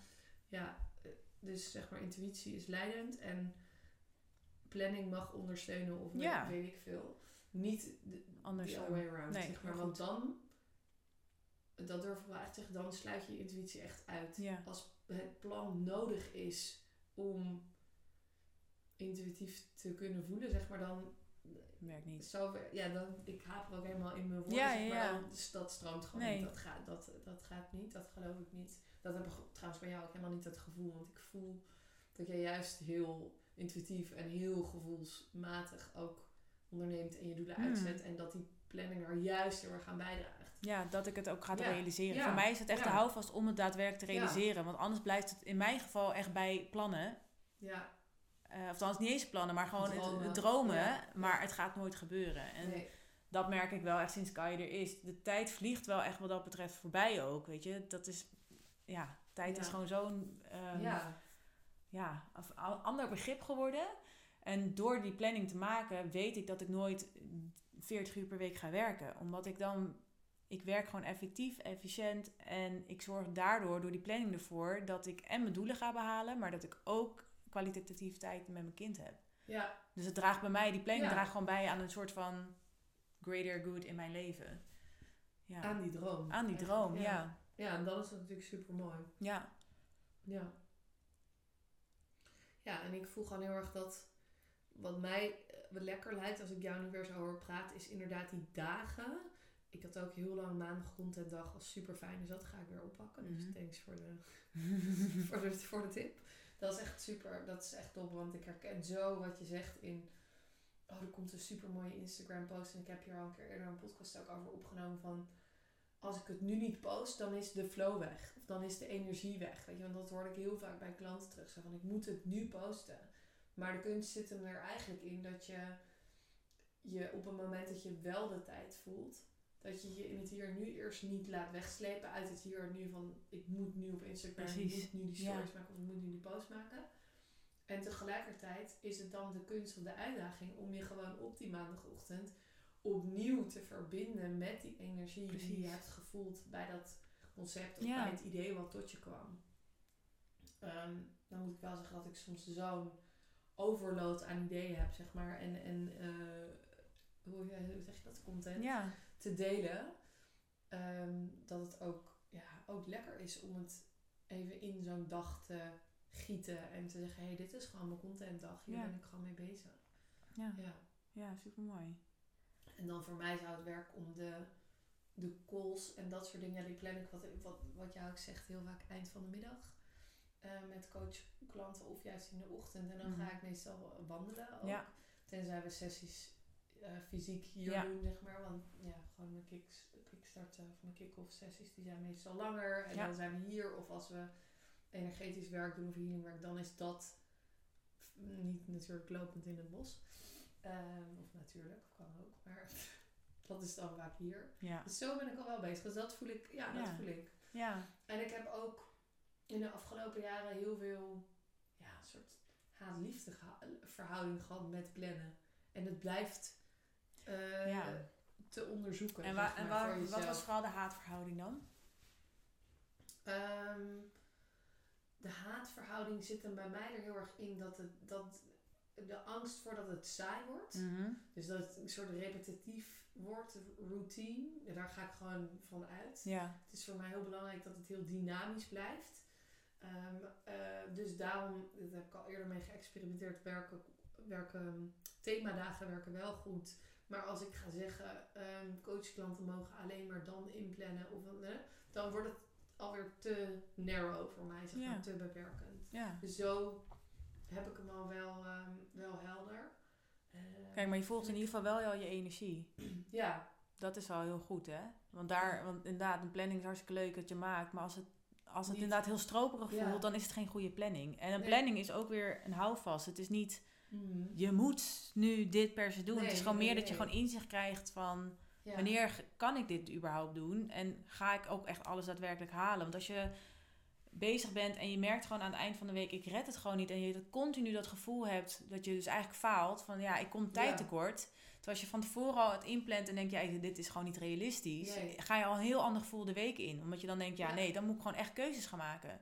Waardoor je dus Ja. veel gerichter weer gaat werken. Van ja, wat is dan echt nu nodig? Ja, En ook weer, als ik op een gegeven moment een dag wakker word en ik voel me gewoon niet goed en ik heb zo'n rits aan dingen, wat ik, dan ja, laat ik de boel ook de boel. Het is een leidraad. ja. Gewoon meer, ja, Ja. weet je, wat dat voel je ook wel weer aan van dit is gewoon niet de dag. Ja, dan, en als ik op een maandag wakker word en denk, ja, ik voel hem gewoon niet, ga ik niet mijn content schrijven. nee. Want dan doe ik het echt voor Jan Lul. Ja, ja, Want- ja. Dat, is, dat is helemaal hoe het werkt. Dat Ja. is de- gewoon de energie die je meegeeft in het op wat je schrijft. En ja, dat is zo, zo bepalend. Ja, Ja, ik kan het absoluut. echt heel erg voelen. En ik, ehm, wat voel ik nou? Ik voelde nog iets wat ik wilde delen. Ehm, mm, nee, ik ben het even kwijt. Wat was het nou? Ehm, nee, dat ik als ik dat het voor mij heel erg helpt zeg maar, om een dag een, intentie mee te geven. En dat eigenlijk de dagen dat ik als intentie, en dat is vaak nadat ik een dag te hard heb gewerkt, dus te druk ben geweest, te veel achter mijn laptop heb gezeten, dan heb ik de dag erna heel erg behoefte aan rust, aan niks, aan en dan is mijn intentie heel vaak, vandaag hoef ik helemaal Niks. niks. Nee. En dat zijn eigenlijk mijn beste werkdagen. Oh ja? Ja, Oh, grappig. want dan ehm, moet ik niks. Nee, Dus er is geen druk, er is geen planning, er is Nee. geen to-do-list. nee. Ik mag helemaal door de dag heen bewegen. Dan komen bij mij meestal de mooiste stories waar ik het meeste DM-reacties op krijg. Dan, ehm, ja. En dan voelt het dus voor mij ook helemaal als ondernemen vanuit flow en vanuit vertrouwen en overvloed. Ja, Vanuit zoveel relaxedheid. En Ja. als ik het dus ga forceren, van er moet nu... Nou, ik had bijvoorbeeld bedacht dat mijn nieuwe podcastseizoen, dat dat vandaag live zou komen. Eh 3, 3, 22, super mooi. Nee, ging niet. Weet je wel, het, het is, dan was het te veel pushen geweest. En, en dan nodig ik mezelf ook echt uit, zeg maar, om in overvloed tijd te ervaren en mezelf het geduld te geven om het, ja, soms willen we ook gewoon te snel daarin. Mhm. Dus ja, ik vind het een hele interessante. Ja, wat dat betreft zijn we ook wel weer een beetje de tegenpolen ergens. Ergens ook weer niet, komen de dingen ook echt wel weer overeen. Maar jij, jij vertrouwt veel meer inderdaad op je gevoel. Ja. En dat dat gewoon inderdaad... Nou ja, en daarin heb ik misschien ook echt nog wel weer dingen te leren hoor. Dat ik daar ook weer meer op kan. Ja, maar ik vertrouwen. dus, dat is echt grappig bij mij wat er ook gebeurt. Want ik word dus bijna, als mensen gaan zeggen, eh, maak een pla- weet je wel, maak een planning of weet ik veel, dan word ik dus gebeld. Want dan denk ik, ja, maar ik wil dus laten zien dat het ook kan zonder die planning. Want Ja, ja maar dat kan ook, Ja. absoluut. Maar dat hangt Ja. echt gewoon van je persoonlijkheid Ja. af en hoe jij in elkaar steekt. Ja. En ja, dat ja, en is ook, ook... weer van, van ehm, de overtuigingen of dingen die je hier, Zeker. dat dan ook nog die je hier als ziel hebt te leren, weet je wel. Of ja, Ja. dat, dat soort dingen. Ja. Ja, grappig toch? Ja, Ja, dat leuk. is het. Er- Ja, waarom? Maar er is, er is ook echt geen goed en fout in. Het is vooral onderzoeken wat bij jou past op dat moment. En wie weet dat je in het begin heel goed gaat op de planningen. En op een gegeven moment niet. weer Ja. niet. Ja, Nou ja, dat heb ik dus ook. Dat Want ik heb ook. echt met meerdere business coaches gewerkt, weet je wel. En die dan ook juist heel erg planmatig werkten. Dus dan ging ik daar weer helemaal in mee. Dus ik heb er heel erg mee geëxperimenteerd. Maar eigenlijk kom ik er steeds op uit dat ik gewoon ja, het zonder die planning ja. wil doen. Het enige waar, waar ik me nu dus, ehm, wat, ik, wat ik uitdagend vind, is het moeder zijn en content maken. Besef ik me nu. Dus daar ben ik heel erg mee geholpen met jouw eh, Nou, fijn. ja. van, van contentdag. Weet je wel, van contentdag. Oh ja, that's it. Dat moet ik gewoon doen. ja, Want ik heb die oppasdag van mijn ouders, gastouder, weet je. Dus die heb ik gewoon. ja, Dus dat is gewoon lekker om het dan op dat moment, ehm, ja, op dat moment te doen. ja. Als je gewoon Ja. alleen even het onderwerp hoeft te appen naar jezelf of Ja, ergens dus opschrijft. lijsten vol Nou ja, daarom, precies. Ja. Weet je, aan inspiratie geen gebrek. Maar inderdaad, je moet dan op dat moment weer het gevoel kunnen Mhm, ja. oproepen. En eh, ja, dat is dan de uitdaging. Maar ja, is ook ergens weer heel fijn als je, dan juist, als je weet dat het je lukt. Ja. En dat je inderdaad niet de tijd die je dan met je kind hebt, dan hoeft op te oefenen voor een Instagram-post. Nou ja, en letterlijk merk ik gewoon dat als ik op een moment dat ik... Kijk, ik, ik zit heel af en toe op mijn telefoon met mijn kinderen zo min mogelijk. Maar ik zou les... Zei ik tegen hem, ja, maar we moeten heel even een berichtje sturen. Bijvoorbeeld naar mijn moeder over het oppassen morgen. Ja. Of weet ik veel, gewoon zulke soort dingen. Dus ik ga niet ehm, een half uur zitten Instagrammen. Nee, dat doe ik precies. Nee. niet. Maar je zit af en toe Tuurlijk. Ja, telefoon. maar dat is toch ook helemaal Dus geen... Dan komt dan, mama, berichtje sturen. Ja, Oh. Mama, berichtje sturen. Ja, En dan meestal komt er ook nog een naam achter van een vriendin of weet ik veel die ik dan zeg. Dus dat is super grappig. ja. Maar het zit zo in hun verweven om met die telefoon connected te zijn. Als wij dat ook zijn, als wij dat ook doen. Dus het voelt voor mij wel echt ja, om daar zo min mogelijk mee bezig te zijn. Precies. Want dat krijgen ze nog genoeg in hun leven. Ehm, ja, en dus wel die goede ideeën die je hebt, toch te kunnen delen en, en, en Ja. te kunnen doen. Ja. En daar een fijne ja, flow in te vinden. Mhm. Ja. Maar dat is ook maar weer de vraag, vind ik altijd, of je flow, ehm, hoe zeg je dat, Eh, ehm, bestempelt als je mag alleen maar doen, go with the flow. Of is ook de flow een stukje planning en het neerzetten van jezelf voor mij namelijk wel. Ja. Want ja, voor mij dan ook. kies je, ja, dan Absoluut. is flow dat. Ja, ja, super mooi. Ja, nou ja, het is echt wel gewoon een balans erin vinden. En dat gaat, weet je, en dat vind ik ook wel ergens mooi aan balans. Van balans is elke dag weer opnieuw moet je die zoeken. Weet je, het is gewoon echt een weegschaal waarbij het de ene dag gaat alles zoals je wil. En dan is die balans top. En de andere dagen, ja, word je ineens weer gebeld door het kinderdagverblijf. Ja, sorry, zoontje heeft eh, koorts, kom je hem ophalen. Ja, dan kan je lekker in de flow zitten, maar je gaat toch echt je kind ophalen. Ja, ja. En dan voel je ook ergens, ja, maar shit, ik wilde eigenlijk dit. En dan voel je ook weer een soort van disbalans. En dan is het weer even schakelen. Ja, ja, wat ik dus nu echt sinds, maar dat is voor mij ook echt, echt nog vers. Dat ik gewoon echt sinds twee maanden of zo kan voelen, letterlijk tot elke vezel van mijn, viel, eh, ve- vezel van mijn lijf, wou ik zeggen, maar ook op mijn zielsniveau, Mhm. dat alles de bedoeling is. Dus dat op het moment dat je wordt gebeld door de gasthouder van hé, hey, kom je? Ja, oké, dan zat ik waarschijnlijk weer te veel in mijn hoofd om iets te schrijven wat af moest. Of ik was te druk met mijn planning bezig. Nee, kom maar weer heel even terug naar het hier nu. Kom maar weer heel even in het moment. Ja, Wees maar weer even moeder. ja, Weet je, eh, voel dat weer even in je of zo. Ja, dat, dat vind ik echt... Dat voelt echt heerlijk om Ja. dat zo te kunnen ervaren. nou, absoluut. Ja, ik, en ik zeg helemaal niet dat dit natuurlijk altijd zo is. Want als er shit dingen gebeuren, dan kan je dat nog steeds. eh, ja, Ja, de ene, ervaren, ja, tuurlijk. Het is de ene keer uitdagender om dat te voelen dan de andere keer. Ja, ja. tuurlijk. Maar ja, dat Ja. is met alles in het leven, denk ik. ja, Net als met het gevoel van overvloed oproep. Ja, eh, nou ja, we hadden het natuurlijk net over dat ik dat dan in bed soort van s'avonds Ja. de dag afsluit. En ja, de ene dag is het sowieso veel makkelijker om dan die dingen te bedenken. En ook echt dat geluksgevoel te ervaren. Dat is natuurlijk veel makkelijker op een dag dat je denkt, ah, dit was echt een topdag. ja. Dat, je dat gewoon überhaupt al denkt zonder te benoemen wat dan zo mooi was aan die dag. Terwijl als er Ja. echt iets heel verdrietigs is gebeurd, is dat een stuk lastiger. ja, en ik vind het dan ook nog uitdagend om nog wat verder te trekken naar iets meer bewustzijnstuk van waarom heb ik hem gelabeld als een slechte dag Ja, of een goede dag. En ik hoorde laatst echt super mooi van iemand. Toen dacht ik, wow, dit vind ik echt eye-opening. Dus ik ga dat nu ook gewoon even delen. Ik, komt ineens boven. Maar die zei van eigenlijk zou je je dag, zeg maar, als hij ehm 50% goed is en 50% niet goed, dan heb je een soort van neutral. Maar is hij 51% goed, dan mag je hem eigenlijk al bestempelen als goed. Ja. Weet je wel? Dus voor jezelf om daar... Ja, want wat jij zegt, kan je echt zo, zo dat dan in de ochtend al een shitdag, dat dat de hele dag zo doorgaat, weet je wel. Terwijl er komt altijd weer even een kantelpunt. Bij mij is dat altijd even naar mezelf toe. Even ademen, even Ja. bewust zijn, even mijn Ja. ogen even kleine momentjes. En even voelen wat er te doorvoelen valt. En dan weer een shift maken. En dan is het ook totaal anders. En als dat dan dus die 51% is, ja, het hielp mij heel erg om er zo naar te kijken. Want Ja. ja, ik had gisteren ook maar zo'n dag, oh mijn god, de ochtend startte dan echt als soort, ik weet het, ik ging met, dus met eh, Toon en Bel naar de winkel toe.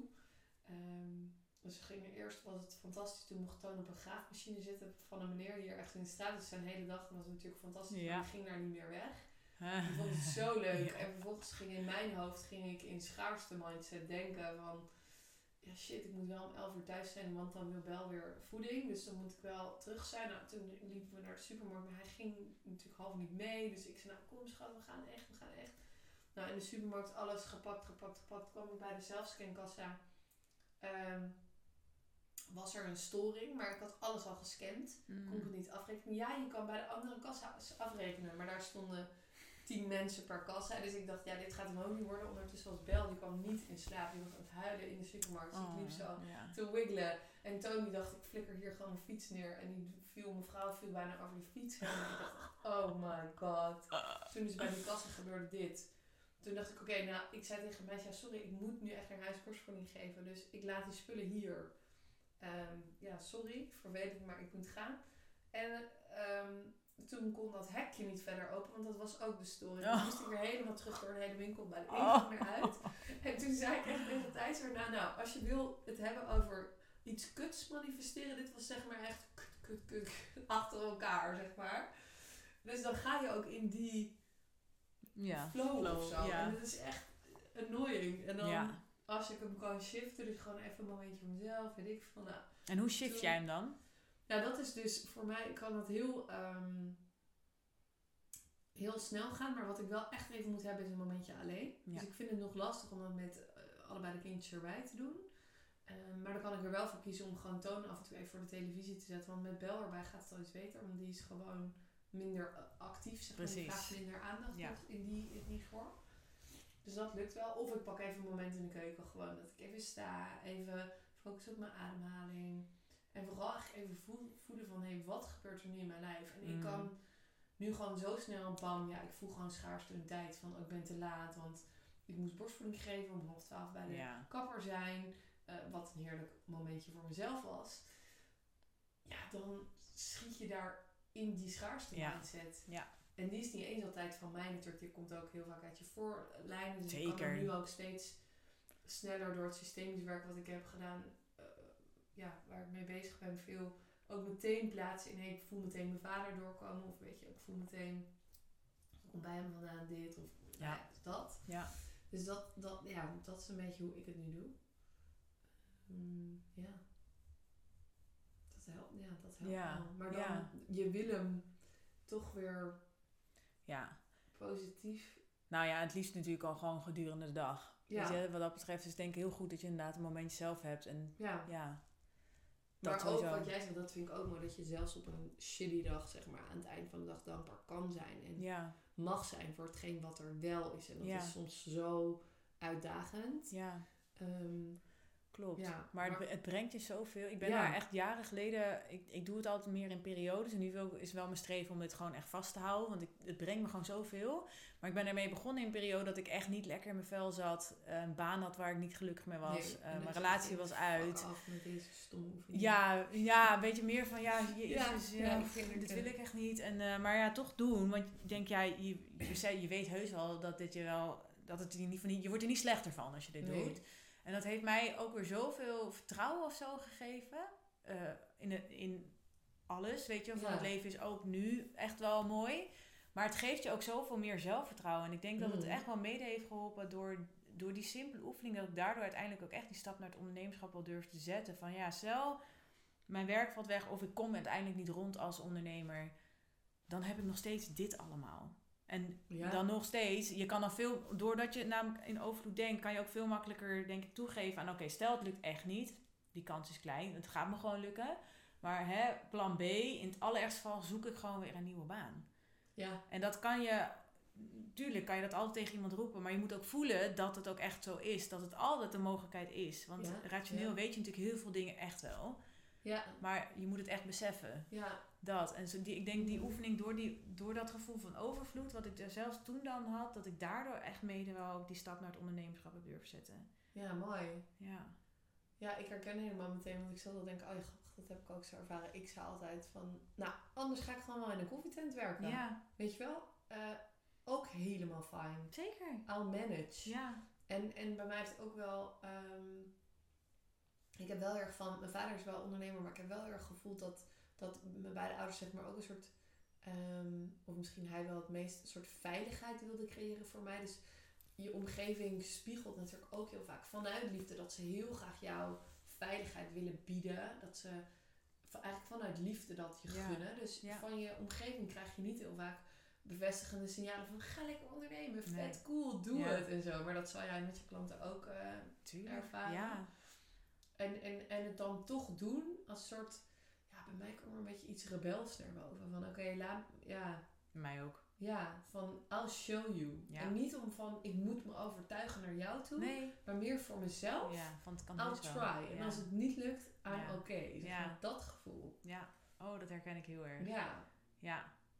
En nu een paar jaar later zitten we hier. Ja. Ja, en wat, nou, wat ik ook echt mijn klanten altijd aanraad, probeer je echt omringen met gelijkgestemden. Dus ga op zoek naar andere moeders of gewoon überhaupt ondernemers die, die je laten zien en je inspireren van dit kan gewoon. Hè? Want, ja, ik ben ook begonnen met ondernemen zonder dat ik vriendinnen had die al echt ondernemen. Weet je, Ja. die freelancers Ja, ja, ja. misschien nog wel, er waren er wel een paar, maar echt het ondernemen, ondernemen was niemand. Maar dat is wel een mooi aan deze tijd. Alleen al door Instagram. Ga gewoon inderdaad wat dat betreft mensen volgen waarvan je denkt, ja, die, Ja. die doen al wat ik wil.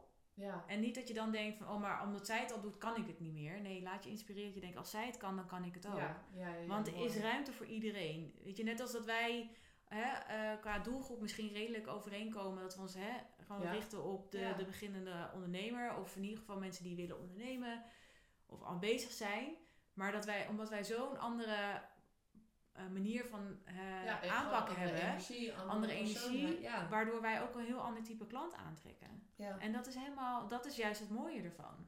ja, en je hoeft niet duizend klanten te hebben. Ook dat, Dat zeker. Want dat is denk ik want- ook wel wat, wat je in het begin zei. Van dat mensen vaak denken, ja, ik moet dan zoveel geld omzetten om maar rond te komen. Dat is niet zo. nee. Maar je moet wel inderdaad goed weten hoeveel je überhaupt moet omzetten. Zodat je daar weer naartoe zou kunnen werken. ja. Weet je? En, eh, en vooral ook niet, denk ik, laten beïnvloeden. Want dat is wel, nou ja, ik weet niet hoe jij dit ervaart. Dat nu zeker op Instagram met al die coaches heel erg op hè, een ton verdienen of meer qua omzet ja. dat dat zeg maar zo'n ding is geworden. Maar ja, waarom zou je per se, weet je? Het is, het is gewoon maar geld. Ja. Ja. Genoeg is ook genoeg. Als jij dan... Het is maar net de waarde die je eraan geeft. ja. Weet je, ik vind het dan belangrijker om mijn leven te kunnen leiden op een manier dat ik wil. En dan Ja. is geld is dan subjectief. Ja, dat Of, hoe zeg je dat? Niet ja. subjectief is eh, secundair. Ja, het mag er, het mag Het wel mag, er, zijn. het mag er zijn, maar het is niet het streven aan zich. Nee, Precies. Ja, heel herkenbaar. Maar ik vind het wel heel fijn dat ik weet, ik moet in ieder geval dat omzetten, wil ik me zoveel kunnen uitkeren, zodat ik mijn rekening kan betalen. Maar als je dat ook weet, dan kan je daar naartoe werken, want dan is dat weer een soort van onbewuste iets waar je dan in ieder geval naar streeft. En ja, Mhm. en je kan dat bedrag natuurlijk steeds hoger maken voor jezelf, van ja, maar dan wil ik dat. Maar vraag jezelf wel altijd af, wat is de reden dat je dat wil? Gewoon Ja. omdat het kan? Of, en wat moet je ervoor doen? Ja. Als het je dan allemaal extra Moet tijd, er energie of wat dan ook kost, is het je dan waard?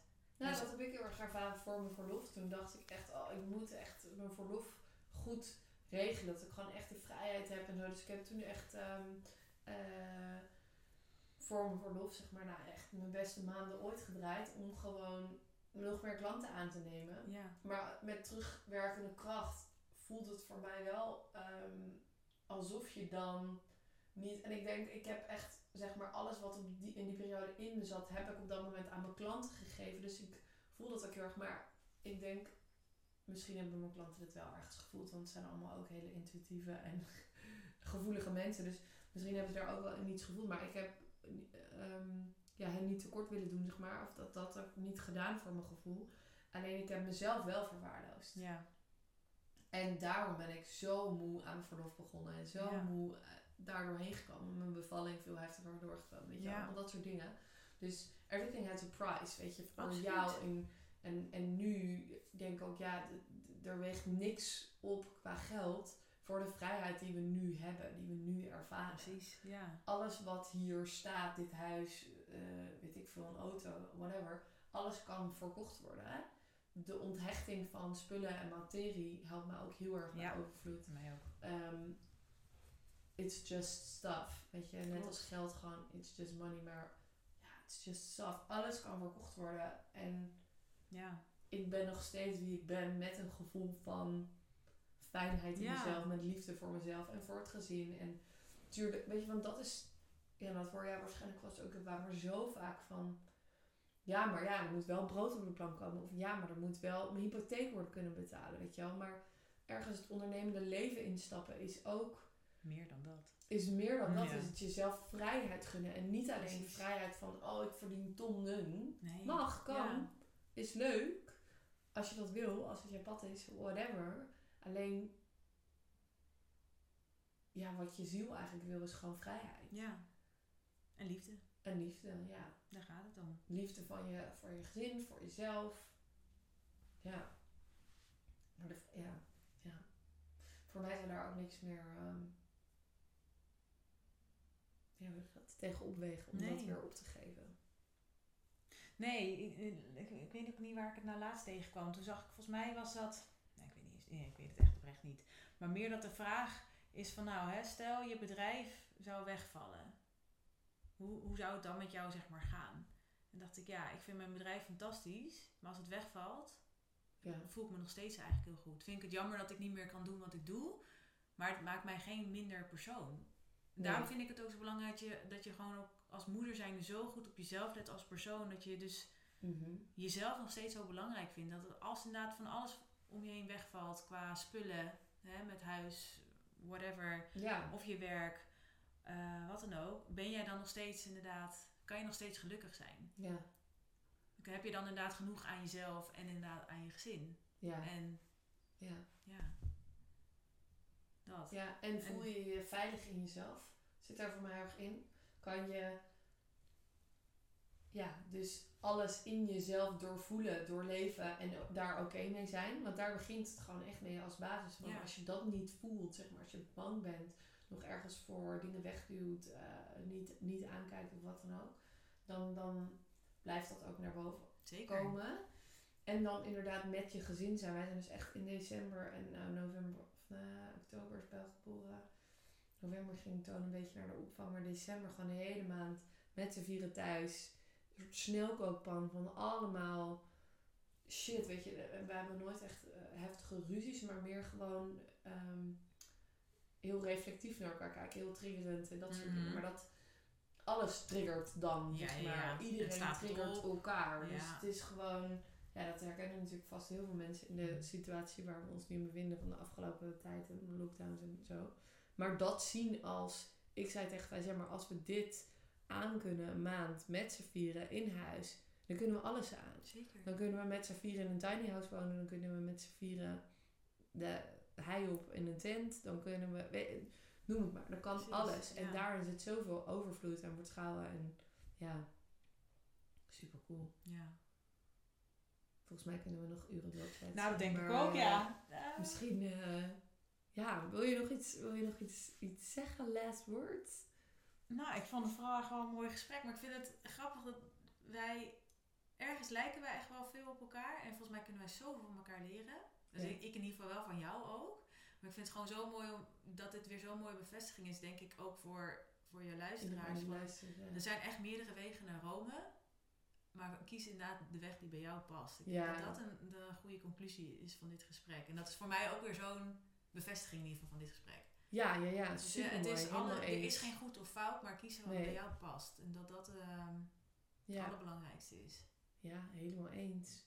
En ook, dat wil ik dan daar nog aan toevoegen, voor het kiezen van een coach of een business coach, als je voelt van hé, hey, er is iemand die me kan helpen, ehm, kies dan iemand die je dichter brengt naar wie jij bent, wat jij wil. En jou laat kijken naar wat past bij jou, in plaats van die je gewoon een truc leert en zegt, hé, hey, dit, dit werkt, dan verdien je 10k per maand. Dan verdien je, weet je, zonder iemand daarmee tekort te doen, want dat kan ook werken. Ja. Maar ik zou je willen adviseren, kies iemand waarbij je gewoon energie goed voelt. En waarvan je denkt, hé, hey, die brengt me echt dichter bij mijn pad. Die Ja. brengt me dichter bij wat ik te doen heb. Ja. Wie ik ben. Wat ik mag doen. Ja. Yes. Nou, dankjewel Ja, voor, nou, je, voor je tijd. Gedaan. Leuk om er te helemaal, zijn. eh, helemaal leuk. Ja, ik ook. En we kletsen gewoon weer verder. Sowieso. Nou, thanks. Yes, dit was hem weer, leukert. Ik wil nog één ding met je delen. Het luisteren van deze podcast brengt niet alleen inspiratie, maar activeert ook de frequentie van overvloed in jou.